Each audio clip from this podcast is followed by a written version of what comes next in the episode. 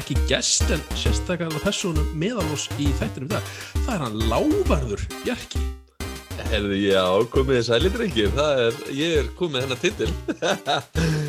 Þú fylgst með því. Já, sjálfsög, og svo Já. þetta sjálfsög uh, Svein, Ekki lágorður. ekki Lávarður, ekki heldur Nei. Nei. Hvernig er eh, lífið búið að breytast, uh, Bjarki? Herðu, það eru nokkri aðilar í vinnunni farnir að beigja sig Ok, að sjá mig og uh, bara kalla mig Lávar og Lord. Þannig að það er svona aðal breytingin en ég á nú ennþá eftir að hérna, læra að bera fram sem sagt hvaðan ég er, sem sagt Lord of, er ég Það að- var li- var litla frímarki í Skotlandi þú ert sem Já, sagt með. já, ég fekk svona, hvað heitir þetta, square foot eða eitthvað, þetta er svona eitthvað pínu Já. lítið uh, landsvæði. Ég var bara ég- að heyra um ég- hvernig það virkar þetta. Já, en ég, já, kom formlega með hennar titil, Lord og kona mín Lady. það er bara geggja þannig að við Já. erum komið með Lávar í settið og meðal þáttastjórnanda leikjavarpsins ég býst ekki við að umræðar í eitthvað eftir að breytast en þetta verður mjög formulega umræðar hér eftir Ég- hver, hver veit, hver veit en hérna svona ef við byrjum bara á þessu hérna, helstæk, Sveit, hvað hefur þú verið að spila svona undanfærið? Ég, uh, ég hef búin að vera að spila demoða System Shock sem við tölum um eftir. Ok. Uh, ennþá meira Hitman eins að það er klálega ekki að drepa fólk nú oft nýja mismöndi vegu. Ok, já, og síðan kíkti ég á demóið sem kom núna fyrir helgina af leiknum Outriders ok, ok við ætlum, eh, já, við ætlum að vera með umræðum með hann e, líka en þú Bjarki, þú hérna hefur náttúrulega verið bara í mikil reyfingu eða eitthvað?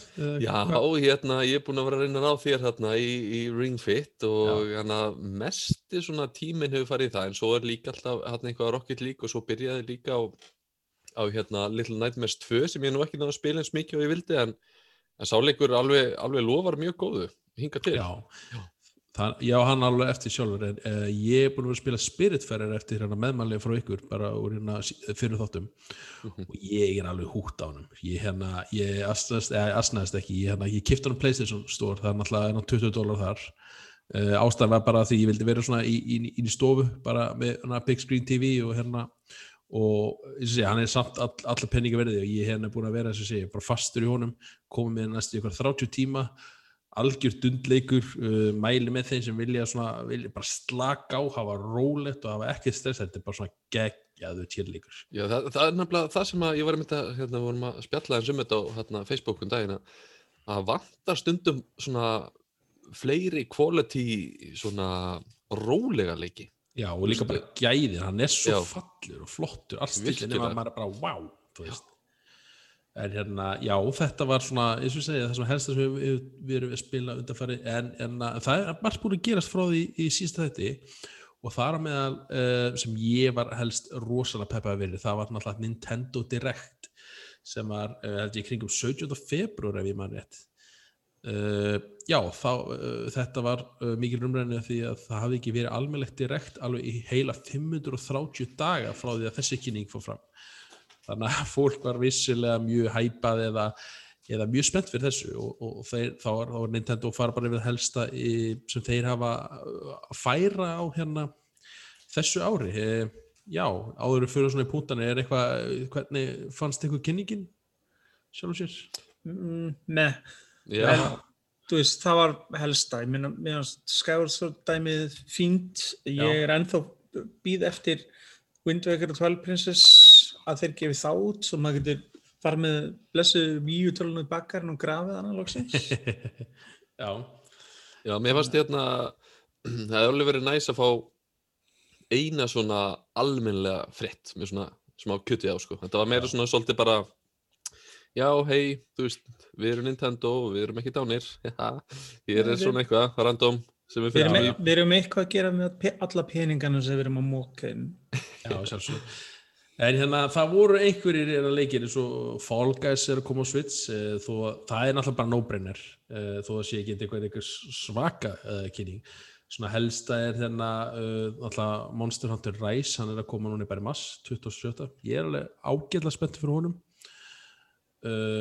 Svo voru fleiri kynningar eins og hérna það voru indie-leikir, svo voru margir vel, margir hérna vöktu mislukku, segja satt sem eru voru bara svona já ok, hvað, veist, hvað er þess að gera kynningunni og aðri leiki var bara, jæja, Nintendo greinlega sárvantaði eitthvað efni til að fylla í þessar 50 mínútur. Já, var líka, það voru líka sumi leikir sem að fengu hérna svona skuggarlega langan tíma það er bara ekkert endilega leikir, heldur líka bara eins og að vera að kynna þarna auka personu í Super Smash Bros. og byrjaði kynningin á því Ég- það var alveg það- fárólega Ég var að, sko. ég var að deyða leiðindum sko. Þið eru bara algjörir, það er bara geggjast strákar. Ég er bara, sem Nintendo hjartar kynningu sko, ég sem svaraði það sko. Nei, ég þetta, þetta bara, geta verið cool fréttir en Rolex, það er að þetta, taka þetta, var, hérna- þetta var geggjað og, og sérstaklega þessar, að- að því núna fjóra mass er einmitt sem ég ætla ekki að taka fyrir sérstaklega þá, en þá er einmitt kemur alveg svona 20 minnir kynning bara um karakterinn og hvernig á að spila hann og hvernig að gera. Ég ætla að vera svoðandi þá.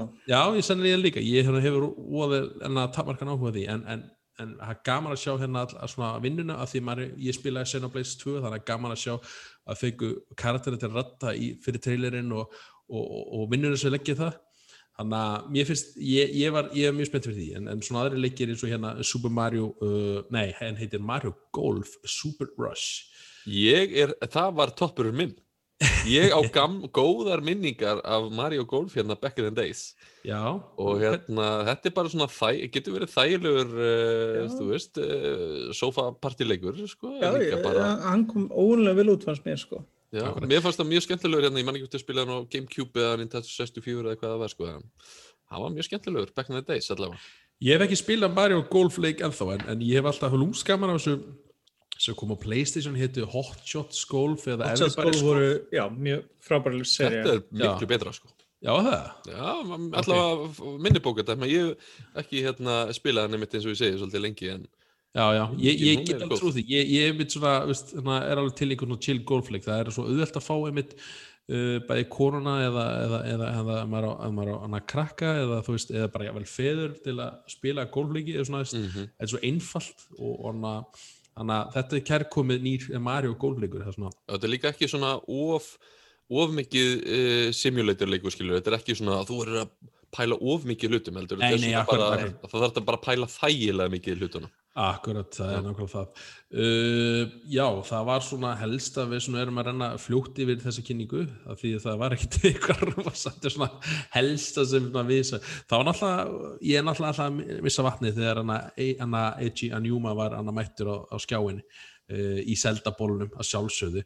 Uh, byrja á þeir eitthvað á kynningun að segja við höfum ekki fréttir að breððu sinni.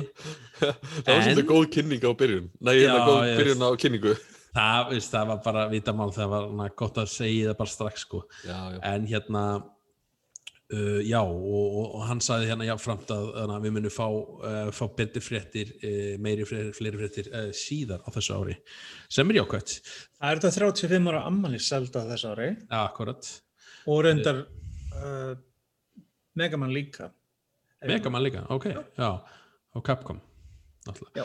uh, já, svo náttúrulega en, já, hann kynnti hins vegar Skyward Sword HD sem hana, kom mér á óvart uh, að vissu leiti því að hana, það þá, Já, það var búið að vera þeir voru aldrei að staðfesta framleiðslu að leiknum og það var alltaf óljós hvort það kæmi eitthvað svona Já, það talaði svolítið mikið tæknilega hi- hindran út að hann notaði motion dóttir svo mikið, hann byggði kringu það ólíkt Twilight Princess sem var bara converted frá Gamecube gáðinni yfir í Mm. uh, Wii- Wii-útgáðinu og bara þetta var sett on on þannig að það var úrslega auðvelt að gera þann porta þannleik yfir á Wii U sín tíma og Wind Waker okay. en það var alltaf, já, Hafið þið spilað Skæfa Svort, Björki? já, já Uh, nei, ég hef ekki spilað en ég bara var svona hérna ég hef aldrei klárað hann horfði á annan félagið minn spilan bara. Ah, ok, já. Ha- hann er tekur forever að byrja þessi leikur eh, þetta er óslega vond byrjun á leik. Já, svona Classic Zelda á þessu tíma, Twilight Princess líka. Já en hann er óblengi byrja ég minna þetta er bara þetta er eins og Final Fantasy 13 þú tíu tíma að byrja áður en að leikurinn er umhverjulega byrja Nákvæmlega, það þetta stitt ég er að vona axli þegar ég takki þessi til og strömlíluna í þennan part. Heldur part að ég, þau gerir ekki neitt. Eh, nei, ég held ekki. Nei, nei. Þeir, þeir löguðu parta í Wind Waker sem voru leiðilegir í lokleiksins. Þeir löguðu Eh, það. ok, já, með, seg, með seglið. Já, já, já, það, þau, já, þeir löguðu það þannig að það er hægt að gera það. Það er alveg fordæmi fyrir þessu en en að þetta er svona ákveð svona sögu build-up sem leikunum gerir Já, en það er bara allt og allt og langt. Já, ég er að segja, ég, ég, ég á alls ekki Ég hef ekki miklu trú að gera en þau þurft að gera það. En en að-. Já, veist, þetta er svona, eins og sem, ég finnst þetta skemmtilegsti, ef ég verð að segja, ekki skemmtilegsti, en að mér finnst þetta eiginlega ein besta sagan í seldalegina. Hann er svona, heimurinn er ákveðin heillandi, en mjög, mjög svona, svona lokar vissuleiti af því að hann er alltaf svæðiskiptur. Uh, ég er mjög fegin að að hátíð útgöðunar að koma út eins og einhver sagði hann að uh, byrst hann að já, voru spældir við því þetta skulle hafa verið að niðurstan en mér fannst að Aðalega fó- fólk er búið að veðja lengi og alltaf talað með að það eru mögulega einhver leikir en fólk veðja alltaf að kæmi Windu ykkur og Twilight saman og hvað þá kannski þessi Já, og tala ekki um eins og Mario Allstars dæmið. Já, en, svona, en þarna er eins og segir, kemur hann ill og sér á, á fullu verði sem manni fannst frekar slagt að skuldi ekki lámark annarkvar hinleikunni fylgja með. Nákvæmlega. Þetta verður þessi á fullu verði. Já, já, Ó, já, þetta er Nintendo. Hvað Já, er hann að, það er svo hérna- er ekki reynt hann en fullt verð svo kemur hérna ég, ég hugsa að komið hérna mér langar að segja pakki fyrir hérna Twilight Princess og hérna, hérna ég meina það er ekkert mál að porta það það er, það er búið að vinna vinnuna. Já, ég er að segja, ég, að, ég, ég, ég saman í pakka eða ekki ég, eða hvort að Nintendo takki grækin á þetta og setja alla staka Já. á 60 dólarar mér þykja mjög leðileg ég er ég er að býta hvað gerist í lók mass með Mario leikina maður ég, ég verða, Já, það verður hvernig- það verður eitthvað til í En ég meina, En- maður, maður, maður getur ekki verið sko full út í fyrirtækið á meðan, ég meina þeir eru auðvitað að gera þetta vegna þess að Nintendo eigundur eru að kaupa þessa leiki. já, já, og Vissu. þá, ég, ég, ég, ég er ekkert ósættur þessi leikis að komi, ég er bara ósættur stundu hvernig þeir handla þetta hvað er peningalega sé og öðru. Ákvæmlega. Þeir hérna verðmerkja uh, vörumerki sín, segir maður það ekki? Eða eitthvað svona ákveð og eitt ljótast orð sem þeir þekkja er lækkun á verði. Þeir, það er ekki til í þeirra er er í lagi. en en að ég sem segi, ég er fagnar því að hann sé koma því þeir að færa annað skafelsvort fram í svona háskerpu svona sjóarpa því að ég spila náttúrulega við útgöðuna bara á síðust ári og ég hugsa bara, bara því að ég var svona komin nær sjóarpinu en jafnvel fjær maður bara, oi hvað þetta er hann, hann, sko málu líka hann er með þannig artstil, sem þessu 12 Mm. hann, þú veist, Windbreaker grættir að vera selsitt, hann lifði betur af að vera Já. svona veist, hvernig formati hann kom út og slúðis já líka bara upplusnin verður flott í, í þessu, hana, þessu Nei, ég er spennt fyrir þessu útgáðu, það er ekki spurning sko. Allir að kaupa ykkur?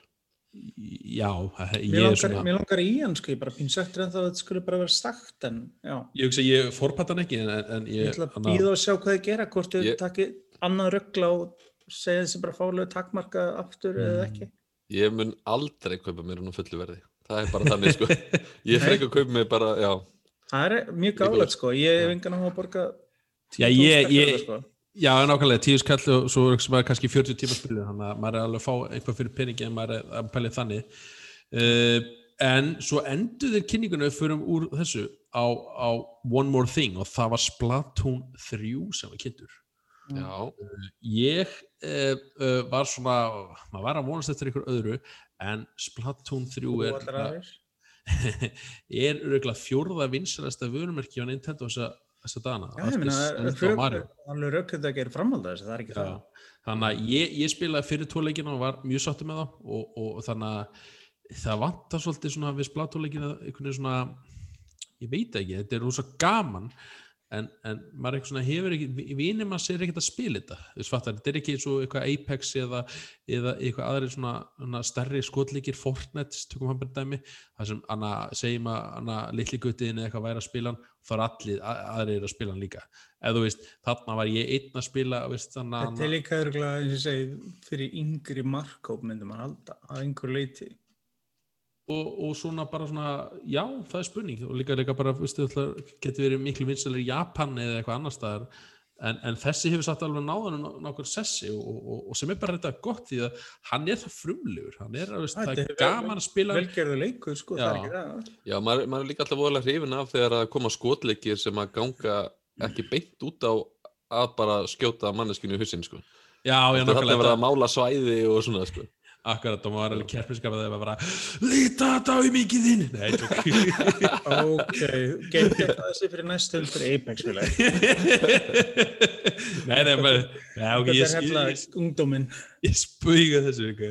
mamma mamma einir Nei, Er, þetta reynd sem mikið, Daniel? Nei, ekki ég, ég, ég alls, alls ekki sko. Ég, En hann nú- geymir, hann geymir ageið fyrir Animal Crossing og Tom Nook. Lendur ekki ykkur hérna, í, í hvað var það aftur, í Sackboy eða eitthvað? Var þá ekki ykkur hérna, portugalsk uh, mamma skam eitthvað strák hérna í Og mikrofónu? það var rosa fyndið, það lendi ég myndi því ég, það var greinlega það var greinlega krakkar að spila og þau voru, ekki, þau voru að spila með ókunnum eða, veist, ég var ekkert að tala inn á þetta neitt, ég er alltaf með mjútaða mækin og það er alltaf sko, við hvernig er þetta að spila? Svo kom ykkur breskur, pappi er næst að spila bara, við hvernig er þetta að spila?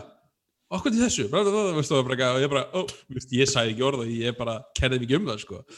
Og hérna, þá var greinlega krakkar að stelast í online play með einhverju random fólki og ég skil það vel, ég meina, þetta er svolítið svona ef við tölum aðeins um það með svona skríti er satt í svo einn félag, með orða þetta, er- úrstað ótrúlega óþægilegt og þægileg svona system hönnun, eða á hönnun á saman tíma uh, að skuli vera, þú veist, hægt að tala náttúrulega í mækin, en að skuli alltaf vera á, það er svolítið svona, veist, Mér finnst það slæmt. Ég skil ekki að default skul ekki vera að það skuli vera default mute versus hit. Sammála, Sérst- ég bara skil ekki. það er rosalega heims- að hafa þetta. Það er rosalega heimskulegt hjá Sony að gera þetta. Það hefur átt að stilla þetta alltaf þannig. Akkurat, mér finnst að nappur nætti að vera grætt þegar mækin er on og svo bara slögt ég er alltaf með gul ljós á fjastringum minni að því þannig að því Mm. mækin er alltaf slögtur Bara, er einmitt, svona- heads, heads up fyrir, þú veist, hlustundur sem eru að hlusta og eru ekki búin að pæla í þessu. Þú veist, að, að, einmitt, Uh, að fjastir, það er- er er kveikt á mikrofónum fjastringunni og þú þarft að ít á takkan til að mjúta En það er þetta að Eins- stilla, stilla þannig að það ekki Já, þú getur stilt, þú getur farið stilt eitthvað og stilt þannig að þetta default kom ekki svo leiðis. Ég er alltaf á leiðin að gera það, en, en gleymi alltaf að ég er alltaf fyrstu tveir uh, Rocket League leikirnir hjá mér eru alltaf með mækjun on og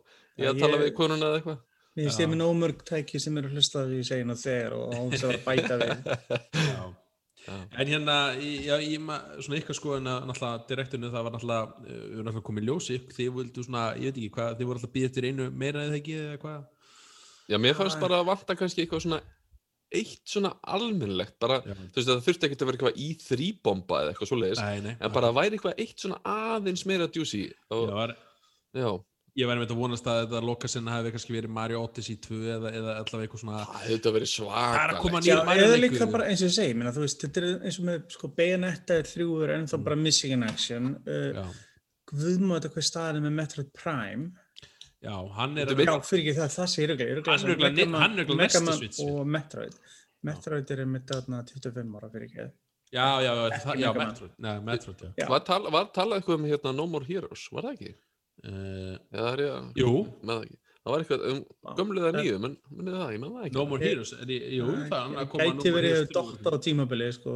Já, því það var þarna, það eru til, hvað er ekki, tveir og þriðji er á leiðinni eða væntalugur á þessu árið. Eitt og tvö komnir á Switch Já, Mhm. akkurat. Já, og þriði er á leiðin ég anna, mann ekki alveg að Það er svolítið skemmtilegt konsept, þetta er svona, þú veist, svakalegur ofurhétju leikur einhvern veginn en samt bara inn á milli eftir að slá grasið eða þrjóðkósett eða ég eitthvað svona, svona rosalega svona surrealist eitthvað. eins og ég segi, sem komu þetta tvö svona retro sub bæði þarna frá Capcom sem voru kynnt þarna og Blizzard er umvel kynnti sem kom mjög eftir. Já, kom á Switch líka svona retro dæmi. Og síðan þetta þarna Bravely Default 2 kynningin. Já, hann er alltaf komin út Já, er það eitthvað búin að spila hann eða? Nei, ég uh, kannski mun einhvern tíðan ef ég, ég er náttúrulega svolítið eftir á í spilinu í Switch ég er þá spila Hyrule Warriors hana, svo á ég uh, fulla leikja með einhvern eftir ég er svona, er, ég er alveg meira Playstation maður núna undanfarni þetta, eða s- plus PC eða sjálfsög Vá, þú ert alveg, við erum bara búin að svissa sæti hérna, ég er einmitt uh, búin að alveg uh, svona detta yfir í svitskýrin, sko. Já, Já, kannski ég er erum- búin að vera með Switchin svo lengi Já, eða mikið- Já, já, við erum eiga það er rétt. Já, þetta er þá að fara í gegnum þetta sem við gerðum fyrir Já, það er svo gaman að fá ný, nýtt tæki hvort sé tölva Já. eitthvað og líka í dag sko, ég sko þegar kom PlayStation 4 uh, leikur eða, eða Switch, ég stuði kifti Switch útgana út til að vera on the go. En af því þeir eru sumir að koma út á PlayStation 5 og ég bara sé bara Vist, þetta er ekki sambarlega vilar PlayStation 5 og Switch og ég bara, þá kaup ég frekar svina PlayStation 5 útgana hva, já, þegar þú ert að borga full price í leik þá viltu fá bestu mögulega útgáfana ekki, þú veist gimpaði niður, þetta er eins og þú eru að kaupa Mortal Kombat 11 myndir ekki vel að spila ná PlayStation 5 eða Xbox Series vilni eða PC í staðin fyrir Switch-útgáfuna sem er svo strípið niður að það fer svo eftir leikjum bara. Já, ég ætla einmitt að segja það. ef, ef, ef ég verið að æfa Já, ég og með þetta dæmi sem er ábyrjandi munurinn Já, það er grafíkin aðal, þá er þetta ekki, og, sko. og frameratið og alls konar fítus að kannski sem. Sem fyrir alls konar indileiki finnst mér þetta bara geggja já, já. og þú veist eins og hérna, bara hérna, einmitt, og þetta er ó, ótrúlega góð fjölskyldu tölva líka. Hún algjörlega er búin að slá í gegn hérna heima bara virkilega hjá öllum einhvern veginn og geta þetta, þú veist, fara á flakkið og þú veist, uh, fara á svona portal þegar maður, maður þarf, það er, þetta er bara æðislegt, sko. þetta er þægilegt Já, þú keftir hana. Þú- Þú, hver, bara hver, með- hver keftir hana? Þú ert bara með henni í láni, er það ekki? Jú, eru- eru... hún, hún er reyndar, hún er held ég komin á seinasta Já, Daniel, ég þarf að tala við þig eftir þáttunum að kannski fá að heimsækja eiguna þína í Animal Crossing. Mhm, mhm. Jú, hún er þá til? Já, ég er ennþá til, ég var, einmitt það er svo langt síðan. Ég fór í þetta að dótti mín, Já. hún var að maður, við erum alltaf sömu eiginni, sko. Já, ég fór það og er- prófa, það er prófa að kíkja inn á heimili mitt og það er svo langt síðan að ég sænaði minn að það var kakkalakki á gólfinu þar Já, sko, ég þóra ekkert að kikki í eiginu mínum En já, hún er alltaf búin að vera einmitt, Animal Crossing er búin að slá í gegn hérna og ég held að hún sé bara á seinasta level uppinu hjá honum núk þarna. Það er vel gert, ég, ég átti helling inni sko, þannig að En já, ég hérna, eins og segi, ég, maður hefði alltaf ver, var eitthvað að býða eftir ykkur, ég veit ekki hvaða hefði átt að, kynningin átt að vera betri, það kannski ef ég, ef ég hefði fengið sjá Breath of the Wild 2, þá hefði ég náttúrulega bara, þú veist, verið ennþá jafna mig. Ég held að fólk hefði sko verið sátt eða þó ekki sem fengið 10 sekundar teaser sko, það hefði líka sátt já við. ég er saman. Það það hefði ekki þurft mikið, það vi- vissi allir að leikur ekki komið þess að það Já. langaði bara eitthvað, skilur. Já, þó, þó að væri einmitt ekki nema eitthvað, eitthvað þetta er awesome titill og hann kemur árið 2023. Þú veist, Ég held, að það þeir, ég, geggjað. held, ég held að þeir að passa sér svolítið núna eh, þeir hafa nefnilega brendu sér rosa mikið með Bayonetta 3 og Metro Prime það er að tilkynna allt og snemma Já, já, þetta er svona, þetta er svona við vitum alltaf með Zelda og við vitum alltaf sem Mario leikur í framleyslu þannig að þeir eru bara svona að kasta beini en, en, en með Metroid og, og, og, og svona að greina Bayonetta 3 þá var það bara ups, já. Svo hefur auðvitað COVID en svo einhvern veginn ennþá lengt flest allt. Já, Já, en eins og þessi vandræði með Metroid er aftur á móti allt annað pakki. já, já en hérna, uh, við ætlum að hoppa í annað við hérna, uh, á förstu daginn held ég kom út nýtt sýnisótt fyrir uh, System Shock uh, endur uh, er endurgerð. endurgerðin, já Þetta er endurgerð. Þetta er endurgerð sem var startuð á Kickstarter. já, Ég, ég get sagt tímislega um þetta líka. endilega, segðu mig frá Ah, eh, framleitunum og hverju koma við að sögu því ég var svona mitt vera, ég var að mynda að stríma náðan og Já, ég, ég, ég er búin að búið til vídeo fyrir síðuna en um nefnum ekki nöfn en það eru aðrir sem eru búin að vera tossar. Þeir sem sjá ekki vídeo við sjá geta Ég? ímyndað þeir að. Bjarkir þetta bæn, já. Uh, þetta er sem sagt, vinnan sem er unnin er unnin af fyrirtæki sem heitir Night Dive Studios sem eru þekktir fyrir að koma með gamla leiki aftur á Steam og GOG ok, og hafa staðið af til dæmis eh, uppfærðum útgáfum af uh, Forsaken, Turok uh, fullt af svona eldri títlum sem hafa kannski ekki verið aðgengilegri að bara spilanlegir á nútíma velbúnaði og hvað þá kom með þetta á PlayStation 4 og Xbox og Switch og fleira sko. hann er svo sett á leiðin á konsol líka? Já, já sem sagt, það var alltaf planað sko, þegar Kickstarterin, uh, þegar þú tókst þátt í Kickstarterin þá fyrstu valkostum konsol eða PC, þannig að þeir voru alltaf að stefna en nú- ok, En það er bara að taka lengri tíma en þau ætliði sér að gera leikir þeir byrjuður einlega aftur á hann einsinni sko. Já, En þetta er endurgjör frá grunni, þetta er ekki remaster af gamla leiknum eins og þannig að til heldur er þetta endurgjör Ah. frá til öða sko. fann það svo litið því að maður var að spila hana, Já, en það er rosalega strempið að spila fyrsta leikin aftur, þetta er gamall dósleikur, þú veist, uppröðlega spilaðar hann bara með leiklaborinu, þú veist, notar ekki einu svona mús. Ok, þetta wow er það en sko Sissok er frægur fyrir það sækir að hann er undanfæri leikja eins og Bioshock og Prey og fleiri.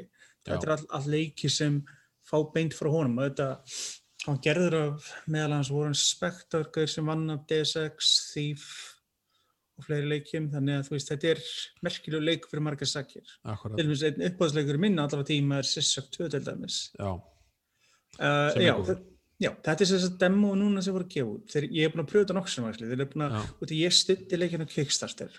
ok Þannig að eru, fyrir nokkum árum, það er alveg góð nokkur sem þetta var. Akkurat. Og þá eru þeir búin að vera duglegir að gefa út annarslega demo til að sína hvað er hvað langt og sliðis já, og þetta er svona sæmlega complete demo sem sýnir svona vel uh, leikin og allt saman. Og þeir eru að stefna og gefa nú í sumar. Og ég er að vona að þeir nær dregur þá staðfestir þeim mitt vonandi konsolgöðnar á hvort það verður PlayStation 4 unnvirkar á 5 eða hvort það er alltaf að gera eitthvað meira, ég veit það ekki. Já. Segðu mér hann að við fyrir maður að sjúta hvað gengur leikunum maður vakna bara í gimnum og, og, Já. og, já, Þetta er sko, hvað er svona, cyberpunk æfintra rólpleikur sem snýst um það að þú ert hakkari, já, vaknar eftir sex mánu svona blund á geimstöð sem heitir Citadel, þar sem klálega hlutin að fara úrskeiðis.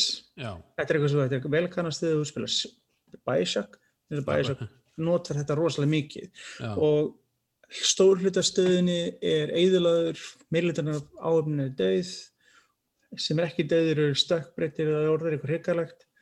Og þú hefur takmarkaðan tíma til að að finna hvað er að og átt að reyna að komast út lifandi. Það er svona, já, á þess að spilla öllu fyrir, ég meina, það er ekki nákvæmlega þó þessi leikur taknilega sé frá, þeir eru leikur frá 1994, svo er þetta röggræðum spoilers, en já, en já, og Náttúrulega ein aðal persóna í vondikallinu er náttúrulega Showdown sem er kemur bara að strax þa- þarna varst að spilla þessu strax. Ég myndi ekki segja það, þú spilar, Æ. þú spilar en að sýnir svo Já, ég er stríður. Ok, en að, að þú spilar sýnir svona í tímíndur þá kemst að því það er já. sem er búin að ná yfirtöku en, en Stjórnar öllu á stöðinu og er orðin svolítið brengli já. og hefur verið að krukka í öllu á stöðinu og þú þarft auðvitað að eiga við hana líka. Já, og það sem er mér fannst svolítið skemmtitt við, hana, við þetta við þær leik, ef ég lýs svona aðeins að, hana, segja frá minn reynslu af því þetta er Mhm. fyrst skipti sem ég er að spila þennan leik uh, hann hendi beint í djúbulöðina það er að segja Hann er ekkert að segja það mikið, sko. Nei, þú, það er ekki svona beint svona mikið merkefni þú ert að fara þóka, fara þóka nema ég, ég kannski mista því en þú, þú fær svona, veist, þú fær eitthvað búnað eða installar eða svona setur inn í eitthvað búnað í þið sem gefur, hana, segir hvað heilsaðin er.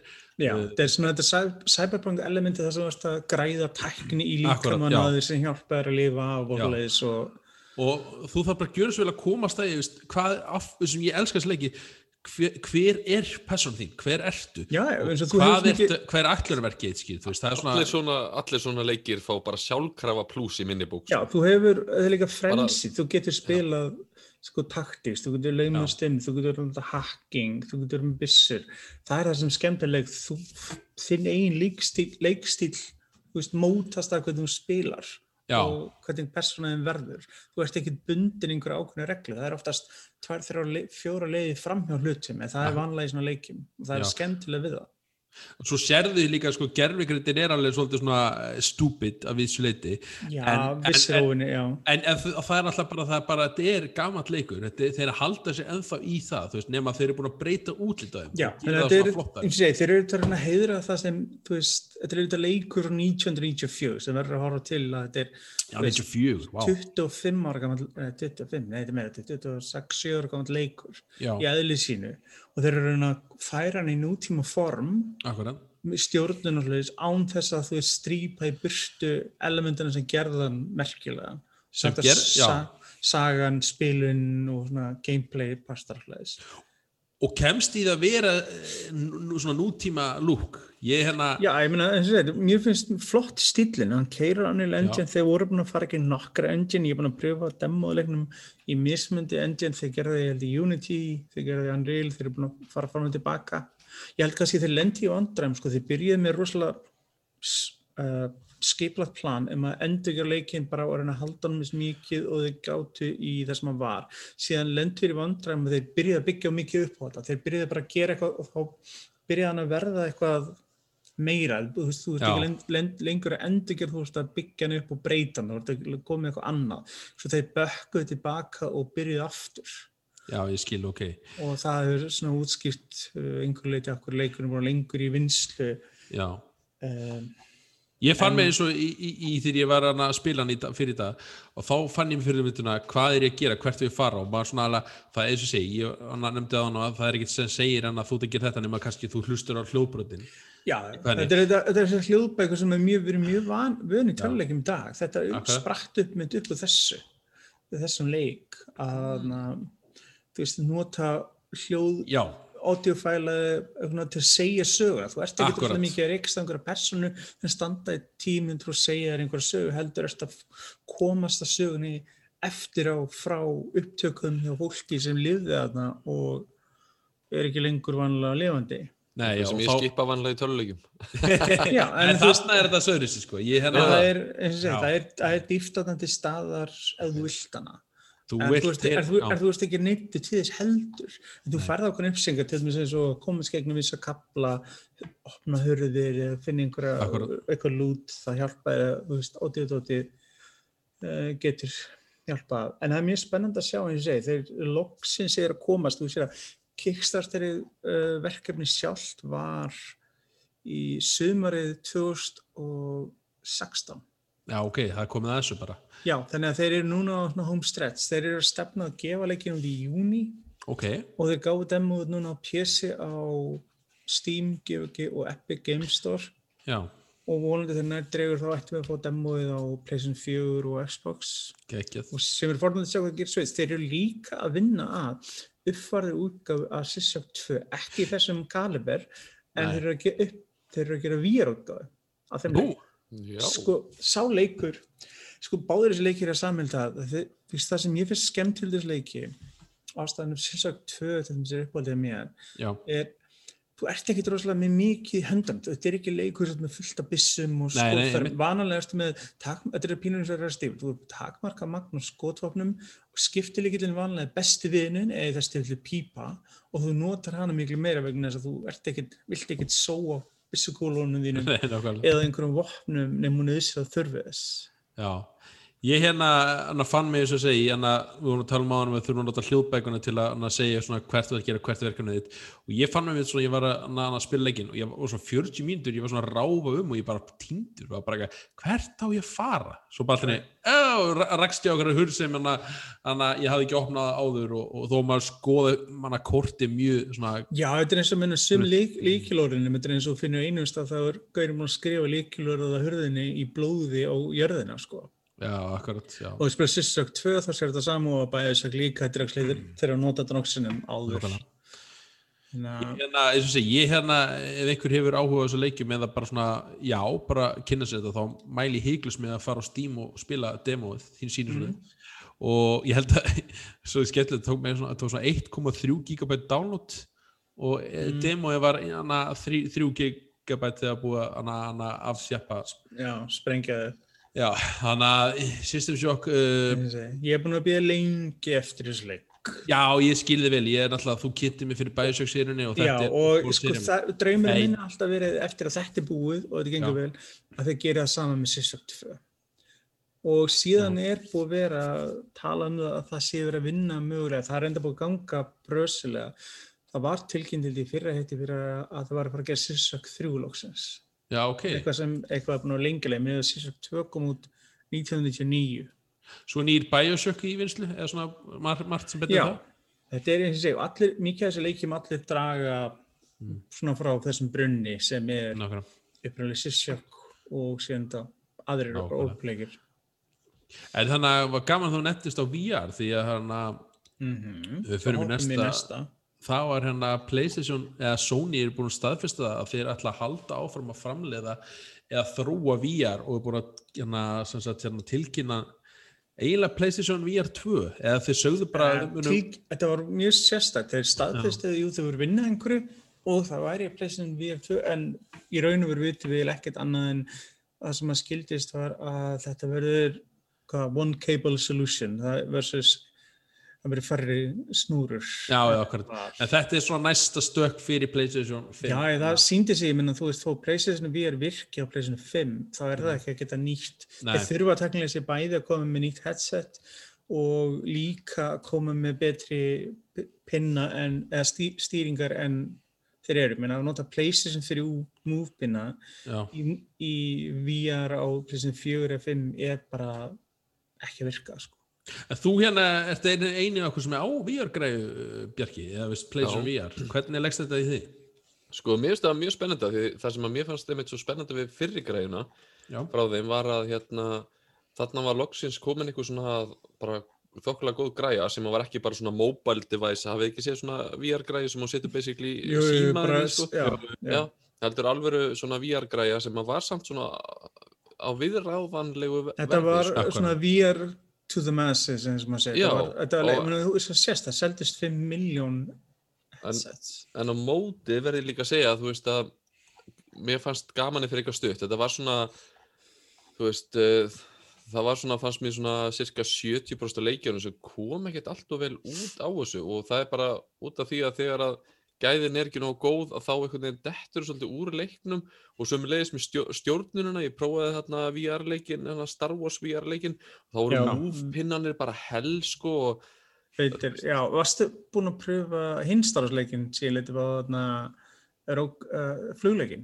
Já. Spenn, já, Uh, já, já, akkurat, hann hérna, það, einmitt, þá einmitt uh, skortir í rauninni bara gæðin, skilur já, það er einn nákvæmlega. Ég held að mér Og- skilst að og- VR er sér gott en, nákvæmlega Já. bara, já, eins og og, segja, það, og það, ég er að vonast til að með þessu PlayStation VR 2 að þau einmitt, meina, mögulega verði það þá eins góð eins og last gen já, ég meina, af, af, af þessu stóru rissunum, Já, sko. ef þú voru að fá PlayStation 4 gæði í PlayStation 5 VR, ég var Já, alveg svolítið það, sko. myndi alveg duga, en að Já, passa sig að halda verðinu, að þú sért ekki að fara að kaupa græju sem kostar 100 áskall. Ég, þá ertu bara komin í, út í PC-pakkar Já, næsti, sko. það má ekki gerast, þannig að ég myndi vilja ég myndi að, en, en að, að ég er spenntið fyrir þessu, en ég hérna, hefði geðveikt verið til í að það væri eh, að ég, ég bara vona virkilega að þetta verði almennilega gert í samvættu við þessa einu snúru, að það verði þá Já. einhvern veginn að því snúrur geta flext mjög auðvitað fyrir manni. Já, en ég, Já. ég er samt ánæður að sjá snúru frekar en, sko við erum ekki konið þannig á lóndi tækni að fara í snúrlist, það er til, jú, jú, en það er svo mikið latency og það er svo mikið drop á gæðum þegar þú ert, þarf að vera með alla græðina í headsetinu versus að vera með tölvu eða eitthvað annað sem sér um akkurat. megin þorra vinslunar. Að eftir einhver ár, jú, þá verður þetta, þú veist, raunhæft, en við erum ekki ennþá komin ánga, við erum ennþá að þróa. En ég er spenntur að sjá hvað Sony gerir, sérstaklega ef þið taka þetta alvarlega. Má var hrættur að þið myndu gera þetta það sem gera ofte.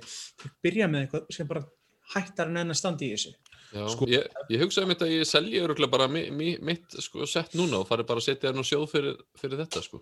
Já, en ég er spenntur að sjá, ég var voru hrættur að þið myndu bara hætta, gera ekkert meira. Menns að þið voru búin að gera ágætsluti, mér finnst þetta mjög góð byrjun, ég var bara vonað að þið myndu, um þetta, já. Og ég er mjög spenntur. En, en Xbox, eru þeir eitthvað er Nei, þeir- með sitt eða? Þe- Sitt, þið voru aldrei með neitt. Nei, þeir voru, já, þeir voru með Kinect bara og svo einhvern veginn já, þeir múin dó það. Þeir, þeir döðlu, eh, döðruðu við Oculus til sín tíma en síðan held ég að eftir að Facebook kefti á, það var aldrei eitt meira og pluss að ég meina, það var aldrei ég held að voru ekki tilbúin að fara í þann pakka sko. Ég held að það væri svolítið sterkur leikur á Xbox svona í framtíðinu ef, ef þeir alltaf fara í hann að gera er ég myndi að fá græjunum til að virka á Xbox hana, fyrir Xbox leiki það væri svona, getur verið með þitt eigið VR-sett svona, Já, já, ég minn ímyndar ef ATC Vive eða eitthvað bara allt í hún kemur, já, nú virkar það á Xbox skilur já það væri stór Notar þannig adapter og síndur að nota pinnan og allt saman, það er því huge stæmi sko. en ég hérna, ég, svo sé, ég hef ekki stokkið það með VR heiminn ennþá mér er alltaf en- en, langa, já. en já, ég hef ekki getað rétt þetta Ertu Ég að, menna þið, eigið ekki græðu eða að þið hafið ekki prófað? uh, ágíkra, ég hef búin að prófa þetta var saman hér, ég hef pröfað alla þrjá helstu tegunnar en ég á ekki eins og er. já, ég, maður ma skortir alltaf pláss líka en, en, Já. en, en ég hérna en ég hérna, hvað er það að reynda með plássi núna. En það var líka hjá mér sko að því það var eitt félag minn sem hann mættist með VR grænar þannig að hana í vinnuna bara. Og erum að tala um sko Oculus hana Rift þá. Já. og, og ég fekk bara að prófa bestu leikin í honum og það var bara nóg sko, þú veist, það var svona, voru þrýr kannski og ég bara prófaði það bara, ja, ég þarf ekki það er, eins og ég segi, minna, sko, sko, leik mér mest langar að spila í dag sem er bara til að VR, það er Half-Life Alex. Já, það á kos- en, top 1 kos, hjá mér. en kostnaðurinn til að spila þann leik er gríðalögur. Aftur á móti ef að, eins og segi, PlayStation VR 2 kemur út og þau myndi porta þann leik að PlayStation 5, ég myndi kaupa hann á sekundinu. Já, ég líka, það væri, það væri sko, það væri bara system seller fyrir mig, þá Ég myndi held að það verði ekki á leik. Nei, ég leik- veit það, ég bara segja, ég bara, þetta er draumur, þetta er Já, draumur. það væri En, geggjað. skil, en skilur hvað ég menni, ég bara segja, þú veist, eitthvað svoleiðis, það er vist rosalega Það- góðu leikur, en ég get ekki já. réttlætt kostnaðin sem ég myndi þurfa að leggja út til þess að geta spila hann almennilega. Nei, nei.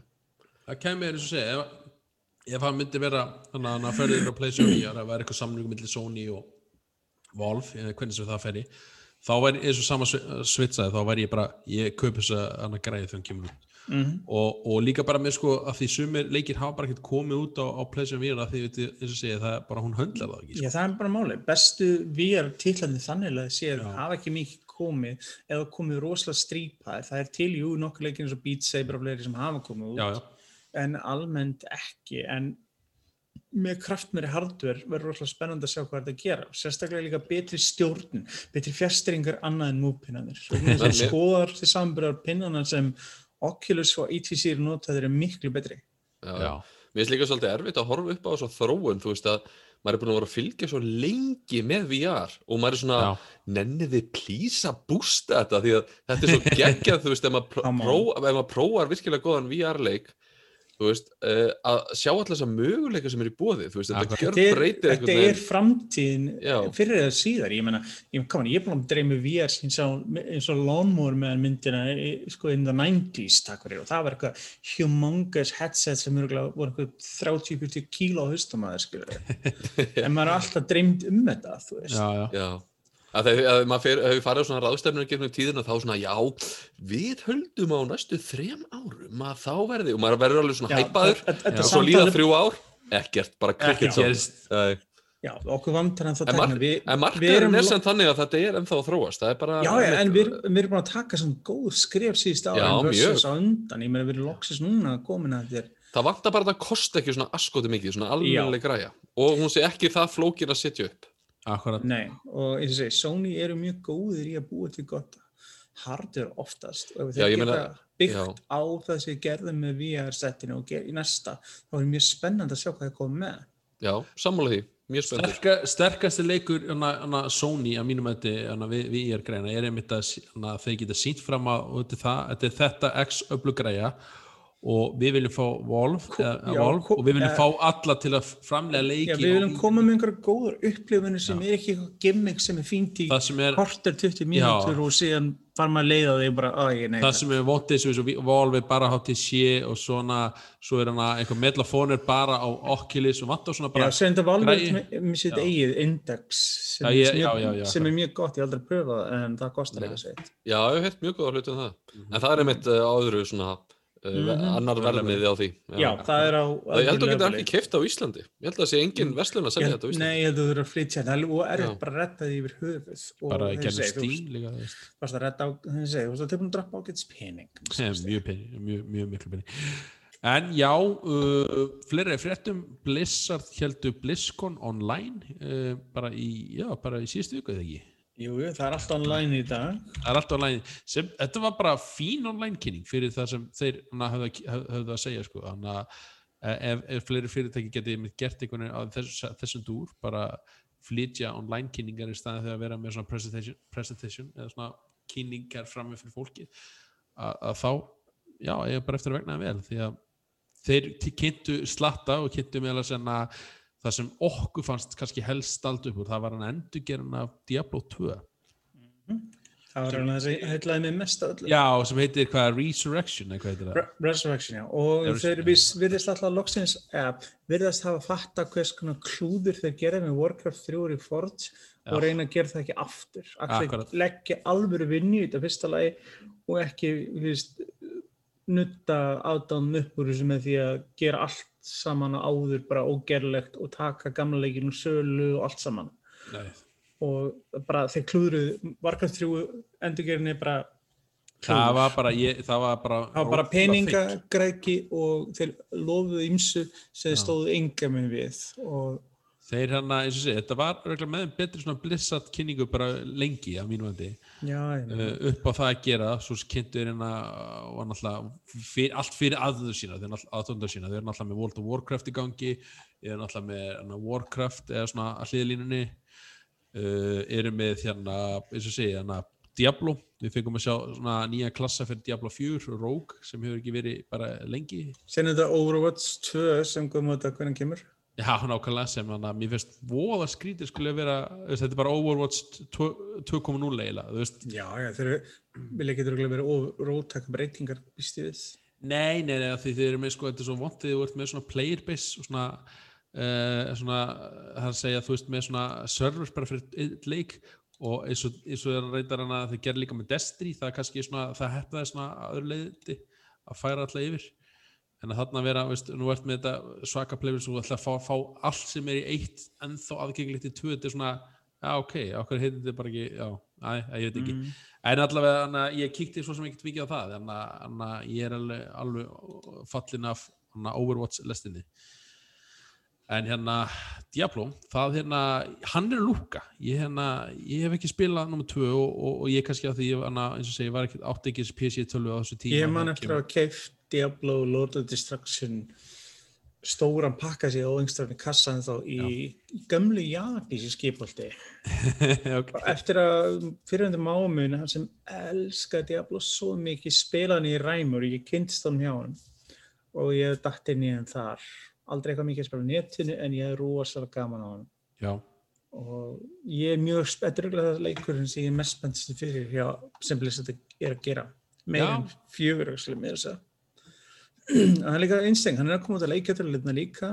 PlayStation Akkúrat. 4, 5, Xbox vilaðan allar. Og og, Switch. Niten- og Switch. Og þeir eru að tala um cross progression þannig að þú getur hoppað á milli og eitthvað fleira það að spila og eitthvað. Svona ég, eins og segi, ef þú klúður þess ekki með öðru Warcraft 3 dóti þá getur verið virkilega skemmtileg uh, útgáfa. Já, Og ég, ég- ég hef virkulega nefnt á það, hann er bara, segja, hann er að lítur ótrúlega vel út, Já, þetta hann í er, segi, þetta er svona Dia- Diablo 3 grafíkinn pluss og en samt allt gameplayið og heimurinn nákvæmlega sem mannst eftir Já, akkurat skemmtileg saga og, og, og frábær bara Diablo bara ja, leikur, bara í það besta. Af því Diablo 2 er, er rosalega mikið klassik Já, hann er klassík sá leikur enn það í dag, hann er frábær. Eina sem er að hann hann er hund gamall nákvæmlega. Uh, ég, það var, ég er kannski að gleyma einhverju ég, ég Þegar klassikleikinnir sem ert að uh, þeir komu með og gáðu út fyrir það er World of Warcraft. Nei, uh, þeir gáðu út fyrir sagt já, já, það, ég, það hefði ekki alveg tíma Legacy dótið, Arcade Collection þeir gáðu út sérst, einu sinni voru Blizzard að gefa út öðruvísi leikjörn þekkt fyrir dag. Spilakassa eitthvað Já, svona, já, þeir komur endur aldrei í spilakassa þó sé kalla Arcade Collection en þeir Já. komu út á NES og Mega Drive, eða Já, ok. Genesis þannig að þú veist, Lost Vikings, Blackthorn, Rock'n'Roll Racing Ó, Lost Vikings, maður, þeir voru geggjaði leikir. Jep, nákvæmlega. þeir eru uh, þeir, þeir allir komnir og þeir, það var gefið út á Switch, PC, Playstation, Xbox með ég- alls, alls konar nýjum viðbótum eitthvað. Ég sá þetta á Switch að þetta væri komið sem hérna, eða ég held að það verið þetta sem ókipis, er það ekki þetta? Nei, þú ert að hugsa um Capcom þátti. Ég er að hugsa um Þú ert að- Capcom dæmi. þú ert að- þú ert að hugsa um- Þú ert að hugsa um hitt. Þú getur keift sem sagt uh, á 17 pund á Playstation búðinni það fyrir Lost Vikings, Blackthorn og eitthvað. ok, En ef þú kaupir ég til dý- Lost ef- Vikings Ef aftur. þú dýrautgun og fara einhverja in-game glingur í Overwatch og Diablo fyrir Sko, 25 pund. Lost Vikings var bara, í, bara uppáhaldi í nokkur ár hjá mér. sko. A- a- Ég verður að segja, komur óvart og mörgum öðrum held ég að tónlistin hefur haldið sér í eins og Rock'n'Roll Racing. Hún var alveg svolítið þekkt tónlistin í þeim leik. Þú veist, þú veist með Judas Priest og fleiri, hún er ennþá eins og vanlega tónlist allt verið pláa upp og endurgáðu og alls já, konar. fá leiði fyrir aftur Já, þess vegna er svolítið sérstakt að hún verðist ennþá að vera til staðar Mm. geggjað sem er aðeinsverst. En já, þetta er eins og segi, þetta var að koma út og já, og verðist er svolítið forðunilegt, sérstaklega nostalgía, eða hún langar upplifa, upplifa smá svoleiðis. Já, svo er hann að koma hérna, hérna World of Warcraft hérna Classic Burning Crusade fyrir áhugsama Já, þeir vilja bara, já, þeir halda áfram því dóti að endur útgefa og svona, sem er flott fyrir, þarna, Já. fyrir þann markóp get ekki sagt þeir enn spilt aftur, en það kannski þess að ég skil ekki ennþá að rukka mánagjald fyrir en leika, en það er hann að halda ykkur. Já. En já, eins og Blizzard er forutnöld dýr vegna þess að Blizzard, var svona stöðum að segja, Blizzard sé ekki að lengur það sem þið voru, ég meina, þetta er Activision Blizzard, það, Blizzard er bara hluti af Activision. Það má aldrei, gleyma því, sko. Nei, Þeir gaf út hérna Diablo Mobile leikin, eða ekki? Já, þeir eru ennþá að ge- vinna honum. Þa, Já. nei, ég sagði, sa, nei, hérna, sagði Diablo. Ég meinti hérna Dungeon Keeper. Það er EA. Það, það er EA, já. Það er já, EA já. og Bullfrog þegar þeir tóku Já. Dungeon Keeper dótið og skiti yfir það Já, algjörlega. akkurat, sko. það var svo svakalegt. Yes. já, akkurat. Það, það er það sem þú varst að hugsa um. Já, En já, eins og segi, forðunlega að sjá svona, blönd á gamlu og nýju á Blizzard. Er já, og Diablo 2 er náttúrulega að koma út á þessu ári ég hana, var held ég engin first dæsinning en allavega Ég kaup mér hann hygglust. já, ég, ég líka, ég, Já. sé, þetta, er, þetta, þetta er leikur sem að geta hugsaðlega kipt á Switch mhm. Mm, Sem ég, já, ég spila nú ekki á Playstation Xbox til, að, til að vera on the go sko, og hana. PC síðar. já En já, En- uh, Diablo 4, hann alltaf, veist, það er ekkert komin einn dæsinning á hann, nei, ég hann meina það er ennþá einhver tími í hans sko. já, 2023 hugsa ég post-covid eitthvað. Eitthvað, eitthvað þeir, eins og þeir eru með nóga öðru. En já, frá Blizzard yfir í sorgarfréttir vissulega, þannig séð EA eru að salta vinnuna sem þú voru að plana með að endur þess að Anthem svipað eins og að gert með Final Fantasy 14 og leikir eins og No Man's Sky sem fengur svona uppreist ærum eftir endurvinnslu. Nákvæmlega. Og var planað að gera sama við hans átti þetta Anthem 2 og það er búið að vera eða eða ár í undirbúingsvinnu við það Já, reyna að koma honum aftur svið, hvað þið geta gert til að koma honum aftur í, í gang? Ég myndi bara að pæla í þessi ég kveikti einmitt á eh, sóttileikin aftur um helgina og kíkti á Eh, það hjálpar mér að segja það, Já, ég bara var netti Nei, Mér langaði þess að kíkja, langaði Ok, þess já. að, sko vegna þess að í eðli sínu er þetta ekki hræðilega leikur. Gameplayðilega sé, sko spilalega sé er fýll leikurinn.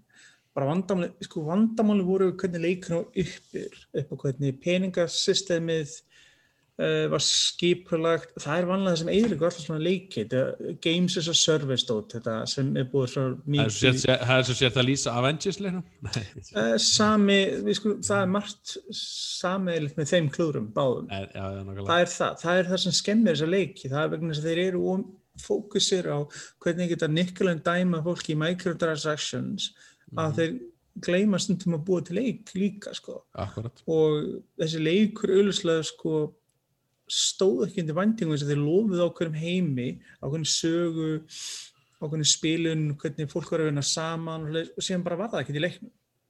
Sko besti partur leiksins er stjórnum personar, gunfightið frínt og að fljúa um en það er ekki nóg mikið annað, það er ekki endgame, það var ekki nóg gott loot, það var allt þetta sem var vandamáli og það, það er engin kvartning til að halda að spila svona leiki. Nei, nákvæmlega. En það er búið að sína sig það er hægt að gera það, það er hægt að laga svona leiki.